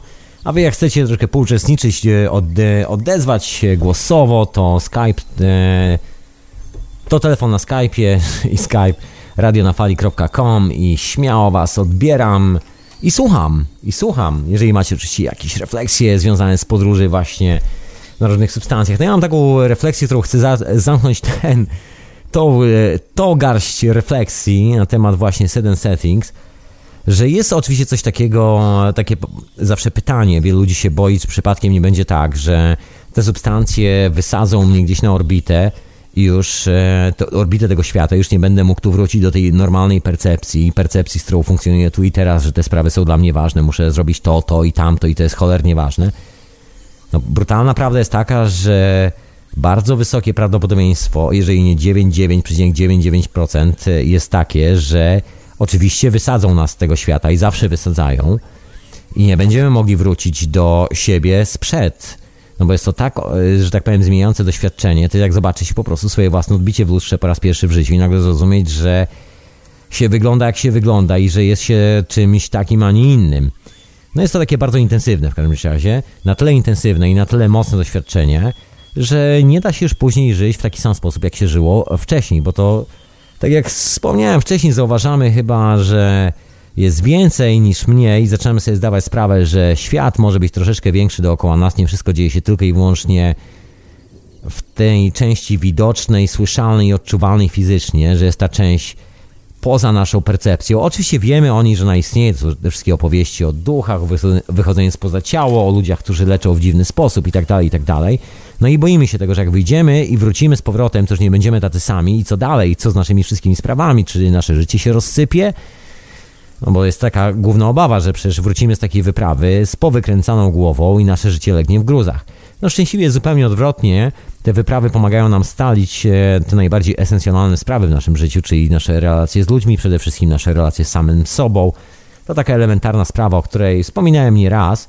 Tu się zasadzam troszeczkę na odcinek taki bardziej naukowy, żeby opowiedzieć Wam o wynikach badań prowadzonych nad właśnie psylocybiną i różnymi substancjami tego typu, ayahuaską między innymi, o tym jak ludzie wracają e, po bardzo ważnych problemach ze sobą, po bardzo ciężkich traumach, e, po na przykład stresie półrazowym do siebie, ponieważ to takie naturalne lekarstwo. Wychodzimy do innego świata i no moja opinia jest taka, że synchronizujemy się ze sobą bo na co dzień żyjąc tylko i wyłącznie w tu w tej materii, to jest e, trochę tak, jakbyśmy największą uwagę kładli albo na lewą, albo na prawą nogę, albo na jedną rękę, albo na drugą. I zawsze jest tylko jedna kończyna, bo my żyjemy w tylko takim bardzo fizycznym wymiarze, który obsługuje jedną kończynę i zawsze jest tak, że wszystko inne się ciągnie za nią. Zamiast dziarsko maszerować, używać rąk, nóg i jakby całego naszego organizmu, my używamy czasami tylko jednej nogi, tylko tego wymiaru, natomiast jakby nasza istota, przynajmniej taka jest moja koncepcja, jest o wiele większa. Oczywiście jasne, że są pewne, tak powiem, e, niuanse związane z tym, że nie da się już wrócić do poprzedniego życia, że to nas zmienia trwale. Oczywiście możemy sobie później wykręcić głowę, wrócić do poprzedniego życia, ale to już nie cieszy tak samo, także właściwie jak mówi stare powiedzonko, nie, ma, nie da się wrócić do tej samej rzeki, ponieważ woda w rzece ciągle płynie i właściwie nigdy nie ma powrotu do tego samego miejsca, w którym byliśmy wcześniej. Wszystko się zmienia dookoła nas. I to jest dokładnie taka sama sytuacja, tylko że tu zmienia się o wiele szybciej, ten proces następuje o wiele bardziej raptownie, bo dzieje się to w ciągu jednego wieczora, czasami całej nocy albo jednego dnia. E, dodajemy sobie ten ekstra dzień po tripie, gdzie dobrze jest usiąść sobie w ciszy, spokoju i sobie przemyśleć wszystkie te rzeczy. Generalnie nam się to rozciąga na dwa dni. Te dwa dni czasami są większym doświadczeniem niż całe nasze dotychczasowe życie, także no może zmienić bardzo wiele w nas. To na pewno zmienia bardzo wiele i konsekwencją tych zmian, tego, że zaczynamy dostrzegać siebie w troszkę innym wymiarze, jakby bardziej pełnym, zaczynamy widzieć e, wagę pewnych sytuacji, taką, jaka jest dla nas w rzeczywistości i to jest właśnie ta zmiana, także nie należy się tego bać. Inna sprawa, że oczywiście przecież właśnie po to to robimy, właśnie o to tu chodzi, żeby, że tak powiem, się zmienić. No wielu z nas nie chce zmieniać, chcemy tylko poznać taką prawdę bardzo logiczną, żeby mieć jakiś argument logiczny. To jest uprawianie tej nieustannej gry, to jest właśnie to łapanie duchów na kliszach fotograficznych troszeczkę. To jest to, ta próba łapania statków kosmicznych na kliszach fotograficznych tych wszystkich pojazdów, to jest ta próba łapania reptylian na filmach, no i wszystkie te opowieści, proszę Państwa. Nie do końca oczywiście, bo często trafiamy na bardzo ciekawe zdjęcia różnych dziwnych obiektów na niebie, które się manifestują w naszym wymiarze i chwała ludziom za to, że w ogóle siedzą z tymi aparatami i w ogóle to robią, bo dzięki temu ja na przykład mogę skonfrontować swoje doświadczenia czysto osobiste, takie, które ja przeżyłem, z tym, co na przykład dzieje się czasami właśnie w obiektywie takiego aparatu, który fotografuje takie bardzo dziwne zjawisko na niebie i nie wiadomo o co chodzi. Także to jest jakby dla mnie no, niesamowita frajda i bardzo sobie to cenię, że mogę skorzystać sobie tutaj w tym wymiarze z tej frajdy. Bardzo to lubię. No ale cieszę się z tego, dlatego że mamy swoje własne doświadczenie i mamy jakby tą drugą historię. Mogę, mogę przyłożyć te historie naraz. E, mam pewną sprawę w swojej własnej głowie, mam pewną refleksję i że to mi wszystko elegancko pasuje ale tej zmiany chciałem. Właśnie po to to robię, żeby właśnie zmienić, żeby e, nie opierać się tylko i wyłącznie na tej jednej rzeczywistości, w której żyje tylko część z nas, część materialna. No to jest ten duży znak zapytania, czy właśnie ta rzeczywistość, do której wracamy, ma taki duży sens, czy wszystko jest ok w tej przestrzeni, którą tu tworzymy jako cywilizacja na Ziemi, bo to jest jakby taki kolejny bardzo silny aspekt używania substancji psychoaktywnych, że po powrocie z tripów zaczynamy sobie zdawać sprawę, jak głęboko i jak mocno dysfunkcyjna y, jest cała ta kultura, w której dorastamy, cała ta cywilizacja, jak bardzo szalona jest. Poczynając od wszystkich tych teologicznych dysput na temat nieistniejących spraw, które właściwie zawłaszczają naszą osobowość, poprzez kwestie na przykład budowania społeczeństwa opartego na strachu i zobowiązaniach nieustannych. To jest ta cała historia związana chociażby z nieustannymi kredytami, z tym, że wszyscy właściwie żyjemy nieustannie na kredyt no, tak jest skonstruowana cała ta finansowa rzeczywistość, to myślę, że doskonale wszyscy wiemy. Żyjemy troszeczkę pod dyktando innych, przynajmniej od tej materialistycznej strony, no bo my, my sobie nie drukujemy pieniędzy, taka jest prawda. Musimy te pieniądze gdzieś zdobywać. To jest ta iluzja, że jest to szalenie ważne, bo przecież bez tego zamrozie, zamarzniemy w domach, bo kto zapłaci za ogrzewanie, gdzie będziemy mieszkać i tak dalej, i tak dalej. Wszystkie te historie. Także no jest to taki duży znak zapytania, no bo cokolwiek by nie mówić po tej podróży, kiedy widzimy samych siebie, że tak powiem, wręcz nago, na bosaka, na łące i wiemy, jak to wszystko wygląda, wiemy, co jest nam potrzebne, a co nie do szczęścia, powrót do takiej normalnej cywilizacji jest e, czasami problematyczny. Nie jest to nic dziwnego, szczególnie po pierwszych tripach, szczególnie właśnie po tych pierwszych wyprawach, a już po pierwszej wyprawie czasami jest to bardzo mocny szok poznawczy, żeby wrócić do takiego starego życia, do takiej starej opowieści, którą prowadziliśmy. Wręcz się nie da, po prostu widzimy na każdym kroku, jak ta opowieść jest dysfunkcyjna, no i nie jest to zawsze przyjemne doświadczenie, dlatego ja Właśnie polecam ten jeden dzień ekstra, żeby sobie pomyśleć, żeby od razu nie wskakiwać w ten wielki wir, w ten kocioł tego całego zamieszania, tej rzeczywistości, którą sobie wymyśliliśmy, że jest jedyna i dominująca, bo wcale tak nie jest. Słuchajcie, no najlepszym powodem moim zdaniem, no może nie powodem, najlepszym argumentem na to, że nie jest to jedyna istniejąca rzeczywistość jest chociażby uczucie miłości.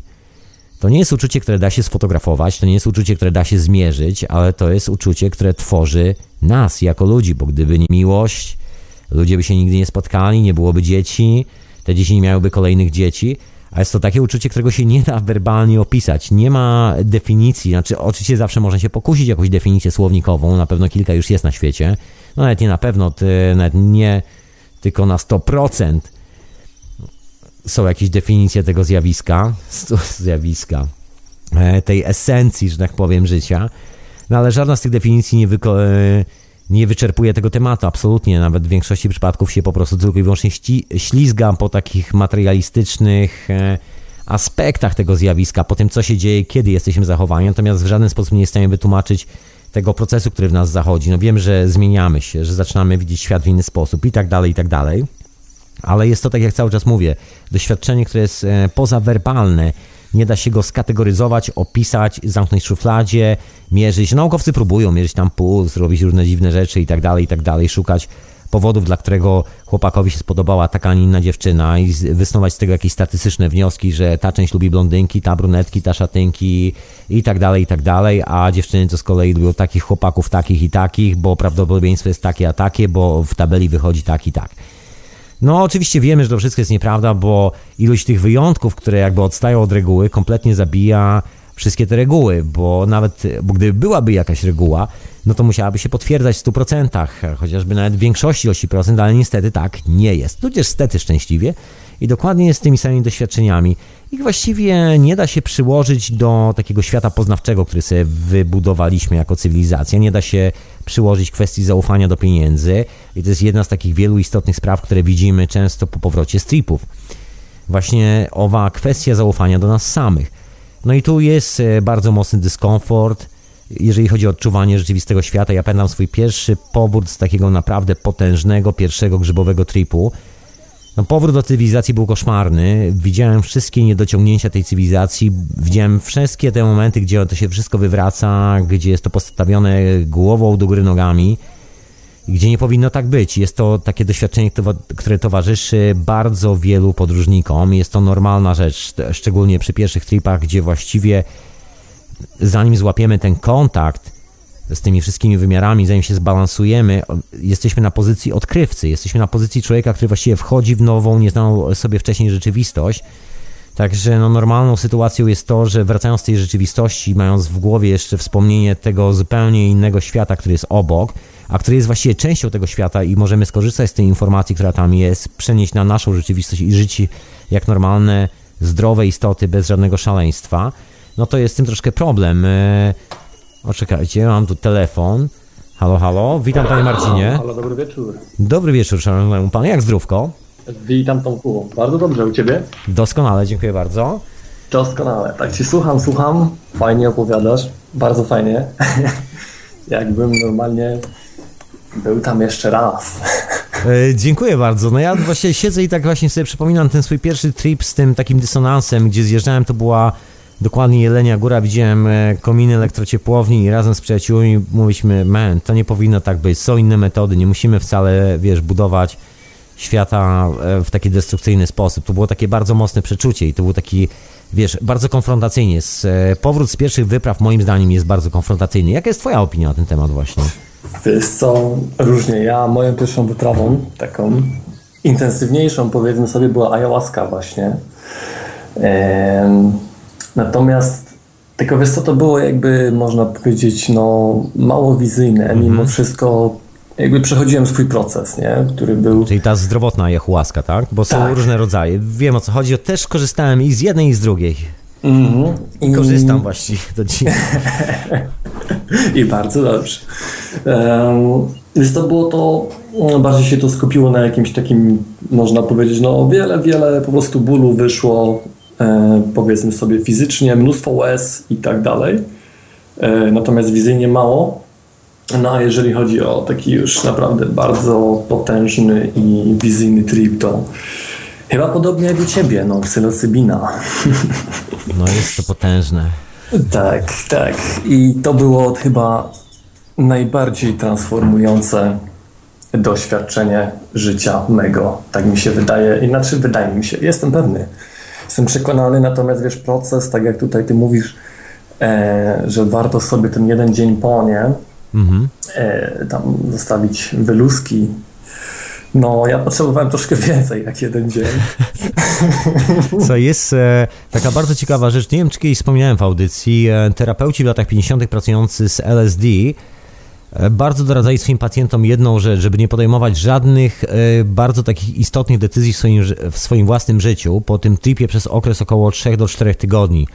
Żeby dać sobie ten czas na to, żeby ochłonąć, bo to nie jest nawet kwestia jednego dnia, o czym doskonale wiesz.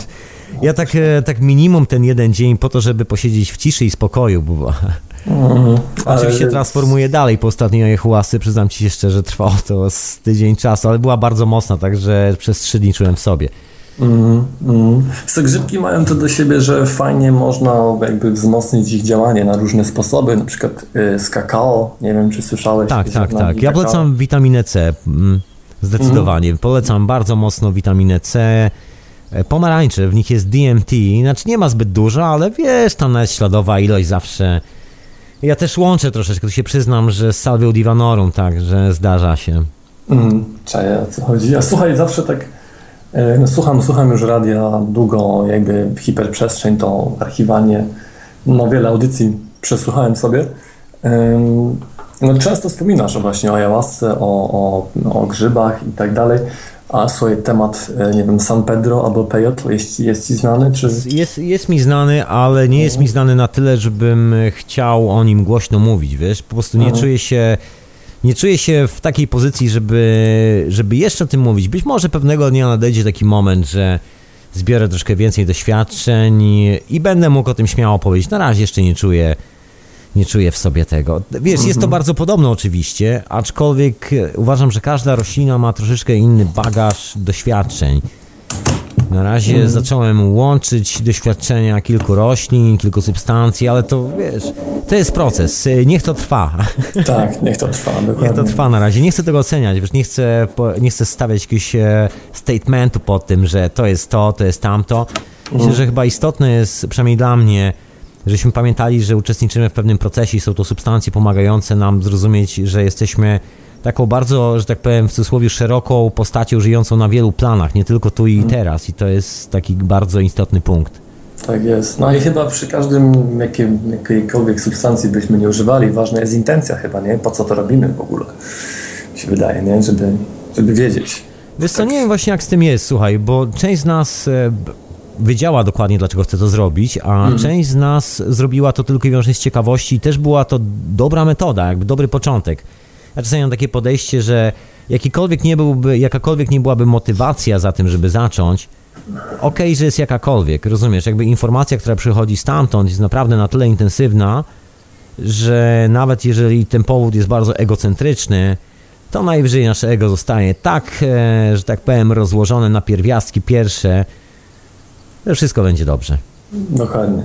Zresztą też jestem, em, nie wiem czy kojarzysz człowieka, e, dość znany w mediach, ostatni film jego właśnie dotyczący e, San Pedro, zatytułowany film jest chyba Hua Chuma, jakoś tak. E, Aubrey Marcus się koleś nazywa.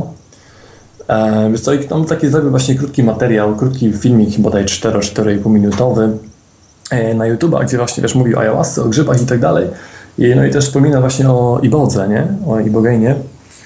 Um, I pada coś takiego, że wiesz, jakby do tego właśnie chyba rdzennego, nawet to było plemienia Bwiti e, w Afryce, z tą grupa heroiniarzy, wiesz, ludzi po prostu A, silnie... wiem, o który film ci chodzi, okej, Tak, tak, tak, tak. tak, I że kurde, wiesz, 6% osób tylko po ibogainie wróciło do, do narkotyku, nie? To jest niesamowite dla mnie, to jest jakieś, wiesz, no mistrzostwo po prostu, wiesz, gdzie, gdzie po prostu po odstawieniu heroiny dzieją się z tobą niesłychanie okropne rzeczy, nie? Z organizmem generalnie, a, a iboga właśnie to jakby redukuje praktycznie do absolutnego minimum te objawy obstawiennicze i i no, niesamowite, że ludzie się uwolnili z nałogu tak ciężkiego, nie? To jest... Tak, to, to, pamiętam jeszcze takie badania robione, znaczy badania, trudno nazwać to oficjalnymi badaniami, bo to wszystko było robione tak bardzo, bardzo, że tak powiem, e, zakamuflowane było, żeby tam nikt nie robił problemów z tym jeszcze 20 lat temu, dosłownie, mhm.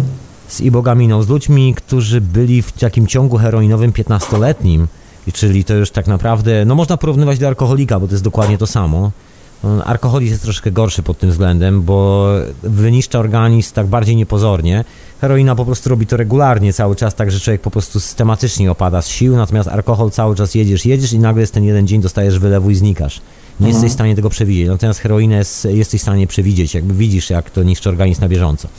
Anyway i... E, wysłano właśnie takich e, heroinistów 15-letnich, słuchaj, i oni, co było fenomenem, nikt z nich nie miał właśnie tych objawów głodu heroinowego. No wiesz, mhm. okazało, wszyscy doskonale wiedzą tam chyba od 40 lat, że ibogamina jest najlepszym e, lekarstwem, jeżeli chodzi o ciężkie uzależnienia i wyciąga ludzi w, no, w niesamowity sposób. Dlatego też jest nielegalna, to jest też druga strona medalu, także... Oczywiście. Czy wiesz co, też słyszałem jakby, no bo ja cały czas do tego, chodzi mi o po prostu rdzenne plemię, nie? O Buiti w Afryce, mhm. którzy to, to robią. To wiesz, no no były podobno przypadki śmiertelne, nie? So, tym, są że... przypadki śmiertelne z Ibogo. To nie to, że były, tylko są, ponieważ są. sleep trwa... No, 24 godziny. Y, czasami trwa nawet dłużej. Niektórzy mają jazdę przez 3 dni. Mm. Rozumiesz, ktoś ci cały czas podaje wody, bo ty jesteś przez 3 dni e, w trakcie takich transformujących ci wizji. Mm. Były próby robienia tego w e, szpitalach w Stanach Zjednoczonych, już nie pamiętam gdzie, to była sama, to był tuż moment przed chyba zdelegalizowaniem wszystkich substancji, albo jakoś tak, no nieważne. I e, robiono to tak, że pacjent leżał w pokoju szpitalnym i to musiało być przerażające, bo ile w tym plemieniu masz do opieki szamanów i tak dalej, nie widzisz tych elektrycznych urządzeń dookoła ciebie, to myślę, że to najlepiej działa. Natomiast ten seden setting zrobiony w szpitalach pod tą obserwacją jest czymś przerażającym, szczególnie podczas takiej potężnej transformacji osobowości, bo się okazuje, że przerabiasz swoje całe życie z poprzednimi wcieleniami, przychodzą do, tobie, do ciebie duchy przodków, z którymi rozmawiasz i mówią ci, jaka jest twoja rola w tym pokoleniu. Są, wiesz, niesamowite opowieści z tych e, tripów trzydniowych i są ludzie, którzy nie wytrzymują tego tripu i schodzą. To jest bardzo rzadkie. Tam jedna osoba na, zdaje się tam, wiesz, nie wiem, miliony prawie, że, czy jakoś tak. Nie jest to zjawisko takie, że każdy schodzi, mm. ale, ale zdarza się. Dlatego tam jest taka, nie wiem, czy słyszałeś, czy, czy w ogóle jest w tym filmie, bo akurat filmu całego nie widziałem, widziałem tylko zapowiedzi tego filmu i znam tą historię. Mm. Są... E, no to jest rola szamana, który sprawdza, czy tobie w ogóle można dać ibogę, czy w ogóle można ci podać, bo nie każdy jest w takim momencie, w którym się nadaje na twój ibogę i on po prostu mówi, że te, temu człowiekowi nie poda, bo ten człowiek może już nie wrócić na przykład z takiej Aha. wyprawy. Okej. Okay. No to nieźle. Wiesz, też jakby... Mm, czy jestem w... Tłumaczyłem taki artykuł Zresztą to wiesz, niebawem zadziałamy w tym kierunku, to będzie szerzej, jeszcze będzie na to czas inna audycja i lepszy mikrofon, ponieważ jestem teraz na takim, wiesz, mhm. stokowym. Um, jestem w kontakcie z gościem, który organizuje ceremonię, wiesz, łączy y, właśnie ibogainę z kambo. z tym, że tą ibogainę, wiesz, w takich mikrodawkach. Właśnie odkrył gdzieś po prostu bardzo mocną synergię między tymi dwoma substancjami i są po prostu, no, mówi, zdawał relacje, że tak wiesz, no jeszcze tak nieoficjalnie, nie, mailowo jakby że są no, przepotężne uzdrowienia czasem no, no tak, po, z tego połączenia. No są, są. Ja wiesz, że tak ciekawo, że tak obserwuję czasami przy ludziach od ayahuaski. No, mm. no, nie wiem, czy szczęśliwie, czy nieszczęśliwie, miałem troszkę inny przebieg, ale u wielu ludzi włącza się na samym początku właśnie tych wizji, kiedy jeszcze, kiedy to są jedne z tych pierwszych tripów na ayahuasce, taka bardzo mocna potrzeba y, jakby ucieczki od tego, jakby wyłączenia się, może nie tyle ucieczki, ile wyłączenia się na jakiś czas z tego świata cywilizacji, wiesz, bo jakby ten syndrom poznawczy tych nowych rzeczy, które są kompletnie nowe, które widzisz i odkrywasz, jest tak potężny, że bardzo ciężko wrócić e, na co dzień do rzeczywistości, że rzeczywistość, w której żyjemy jest przerażająca, wtedy zdecydowanie bardziej niż bez tych substancji. Mhm. Przynajmniej na początku, później, później zaczynamy to troszkę okieł... E, okieł, jest moment, kiedy możemy to bardziej okiełznać i wtedy wszystko jest ok, ale na początku jakby ta percepcja jest naprawdę mocno wykręcona i te skoki przy pierwszych tripach pomiędzy tymi światami są naprawdę takie dosyć intensywne. Hmm. Wiesz, czasami ludzie się na tym zawieszają, to też jest dosyć częste zjawisko, no ale w sumie przecież to właśnie robimy, właśnie o to chodzi, żeby się skonsolidować, że jeżeli nie, nie podczas pierwszego tripu, to podczas kolejnego. Inna sprawa, że to też nie są substancje, które powinny się tylko i wyłącznie raz zrobić w sensie poznawczym, takim wiesz, jak się czyta raz książkę, żeby później wiedzieć o czym rozmawiać. To mhm. troszeczkę na czym innym polega, moim zdaniem, polega na włączeniu pewnego procesu. Przez jakiś czas, nie trzeba robić tego przez całe życie, tylko jako proces, ileś tam sesji, żeby dać sobie szansę, żeby to pierwsze doświadczenie nie zdefiniowało całego naszego życia, żebyśmy mogli pójść parę kroków dalej, żeby nie stać w takim właśnie, e, wiesz, pół kroku w takim przerwanym doświadczeniu i później pisać książki o reptylianach na przykład. tak, tak. Słuchaj, jeszcze jeżeli mogę, jeżeli mamy jeszcze czas, to um, wcześniej wspomniałeś właśnie, że jakby najlepiej, jeżeli chodzi o grzyby, nie, to tam gdzie, tam, gdzie je nazbierałeś, po prostu doświadczać tego wszystkiego. Mhm. I czemu właśnie nie, powiedzmy sobie, no nie mówię już tam o mieście zatłoczonym, gdzie non stop słyszysz jadące auta za oknem i tak dalej, jakieś trąbienia, jakieś pociągi, ale jeżeli jest domek na wsi jakiś i, i jesteś tam, czujesz się tam bardzo bezpiecznie i przytulnie, to, to chyba jest okej, okay, nie? Mi się wydaje. Co, no nie wiem właśnie jakie są twoje doświadczenia, bo jakby mam taką możliwość właśnie na górski domek w pięknym miejscu i tak dalej, i tak dalej. Mhm.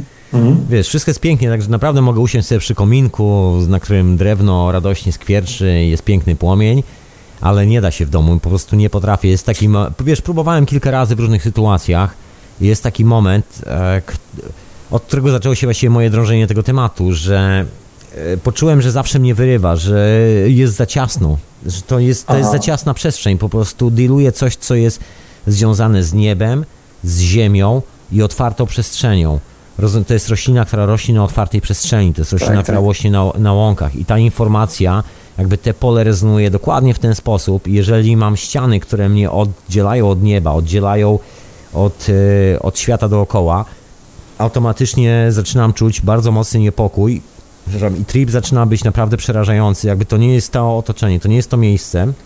I próbowałem mhm. z paroma, wiesz, ludźmi, bo jakby nie jestem jedynym człowiekiem, który miał e, tą samą refleksję, i wielu z nas, e, no, moich znajomych, to nie będę wymieniał po imieniu i nazwisku, ale generalnie mam takich znajomych, słuchajcie, próbowaliśmy, robiliśmy takie eksperymenty i nie dało się, po prostu się nie dało. Był taki moment, do którego już wręcz w ostatnim momencie wyrzucało nas z pomieszczenia, po prostu uciekaliśmy i był to były to takie troszeczkę przesadzaliśmy, bo trochę za bardzo eksperymentalnie podchodziliśmy do sprawy, no ale dzięki temu sprawdziliśmy, przekonaliśmy się na własnej skórze, że nie warto tego robić w pomieszczeniu. To się po prostu nie nadaje do robienia w pomieszczeniu. Źle się czuję w pomieszczeniu i praktycznie wszyscy moi znajomi mają dokładnie te same refleksje. Dopiero kiedy trip schodzi, kiedy już jest naprawdę po, kiedy jest ten moment, że czujesz, że możesz już wrócić, to, jest, to wtedy wracasz, ale tylko wtedy, kiedy czujesz. Natomiast w ogóle sam ten trip dla mnie jest bardzo mocno związany z tym, że to jest najlepsza opcja, po prostu pójść w naturę. Żadnych ludzi, żeby było dziko, natura, las.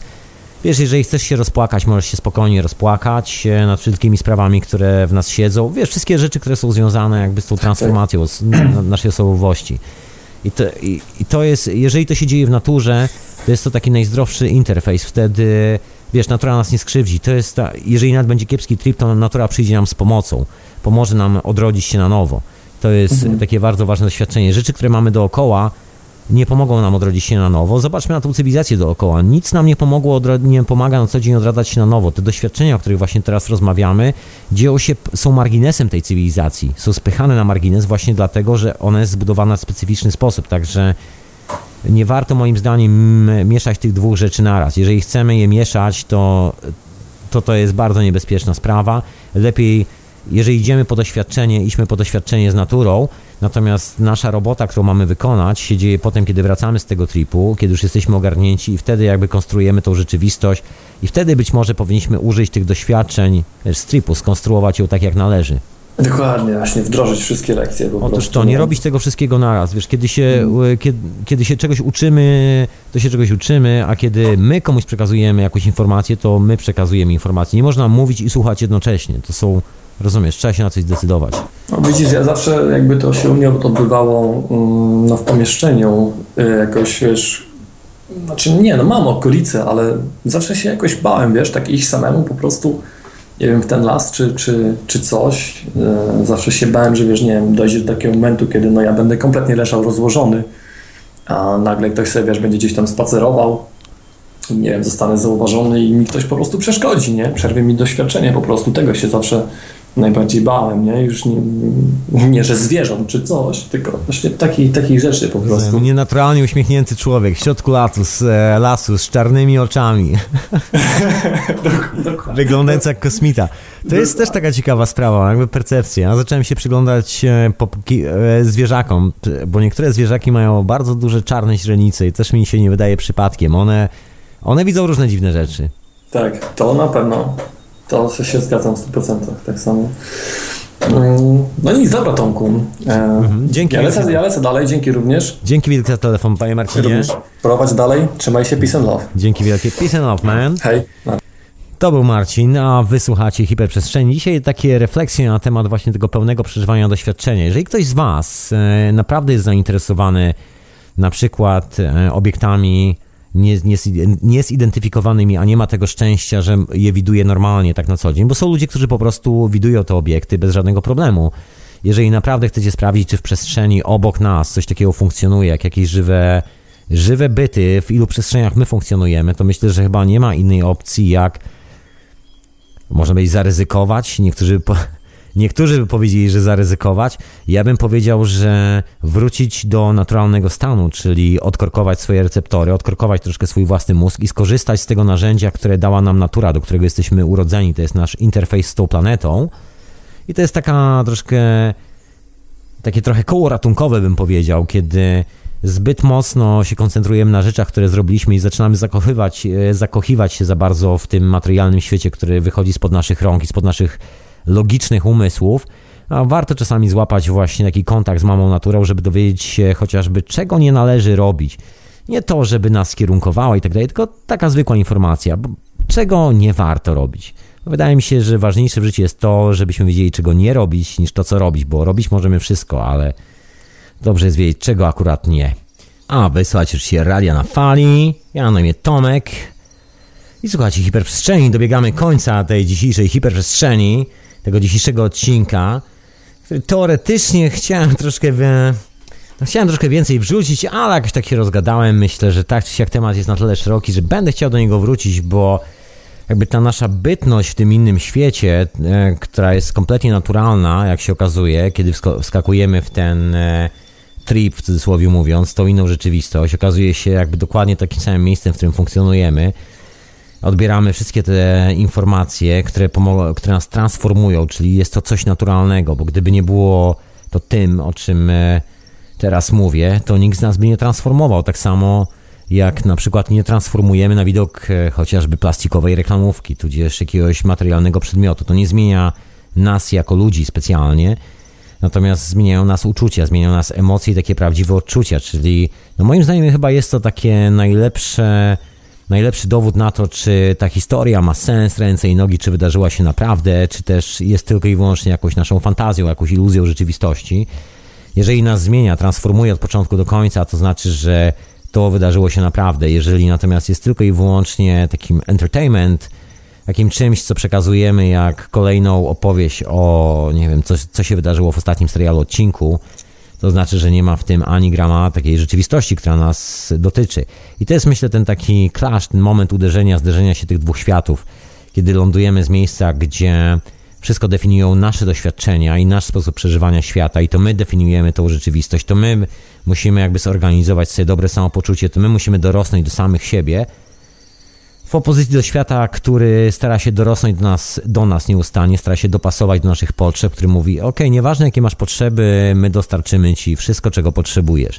To jest tak zwany serwis, to jest to jakby życie w świecie konsumentów, bycie konsumentem, a nie kimś, kto tworzy tą rzeczywistość od początku do końca. No ale to już temat na troszkę inne rozważania, być może w następnym odcinku, proszę Państwa. Ja dziękuję bardzo serdecznie za słuchanie tego odcinka hiperprzestrzeni, tego troszkę filozoficznego podejścia do substancji psychoaktywnych. Słuchajcie, jeżeli zamierzacie użyć grzybów, Moja rada jest taka, żebyście zawsze robili to na zewnątrz, zawsze robili to na łące, zawsze robili to gdzieś w lesie, w naturze, z dala od ludzi. Jakby starajcie się trzymać takich miejsc naprawdę z dala od tłoku, żeby tam nikt wam nie przeszkodził. To myślę jest takie najlepsze rozwiązanie. I to jest miejsce, gdzie natura jest, na, jest w stanie nam zaoferować e, taki największy bagaż informacji. Jak zostaniemy w tym naszym świecie, to zawsze jest to ryzyko, że nasza uwaga będzie podążała i zawsze jakimś kawałkiem, tą jedną nogą zostaniemy zawsze uwiązani tej rzeczywistości normalnej. Chociażby kwestie wspomnień, e, przypominania sobie skąd są te przedmioty, jakby kojarzenia faktów. Dobrze jest się z tego kompletnie wyłączyć i pójść po całości, po tą konkretną informację, żeby później nie lądować w tej sytuacji, że mamy tą fantastyczną książkę, ona się świetnie zaczęła, poznaliśmy już prawie sylwetki bohaterów i nagle wszystko się urywa. I najgorsze jest w tym wszystkim to, że to my jesteśmy bohaterami tej książki o samych sobie. I nagle to doświadczenie gdzieś tam w połowie zniknęło i musimy dobudować sobie pozostałą część. Nawet nie tyle, że nie musimy, ile świat dookoła nas wymusza jakąś taką pozę i automatycznie się kleją do tego jakieś dziwne, szalone koncepty i później próbujemy tłumaczyć to czarnymi dziurami albo jakimiś innymi fantastycznymi historiami które mają z tym, według mnie przynajmniej, nic wspólnego. Jeżeli chcemy spotkać inny świat i chcemy zrobić to naprawdę skutecznie i nie boimy się tego i chcemy naprawdę dowiedzieć się, co jest jakby esencją nas samych, jakby we wszystkich możliwych aspektach, we wszystkich możliwych wymiarach, warto zwyczajnie się wybrać do tych wymiarów. Tak jak chcemy się dowiedzieć, co jest na ulicy obok, warto wstać, założyć buty i przejść na tą ulicę obok. To jest dokładnie tak samo jak w życiu. Wszystko jest dokładnie tym samym.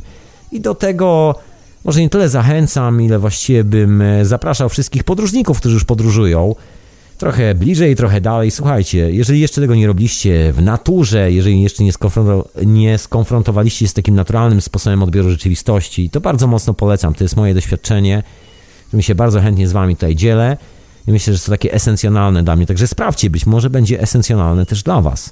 Zobaczymy, kto wie, jest duża szansa.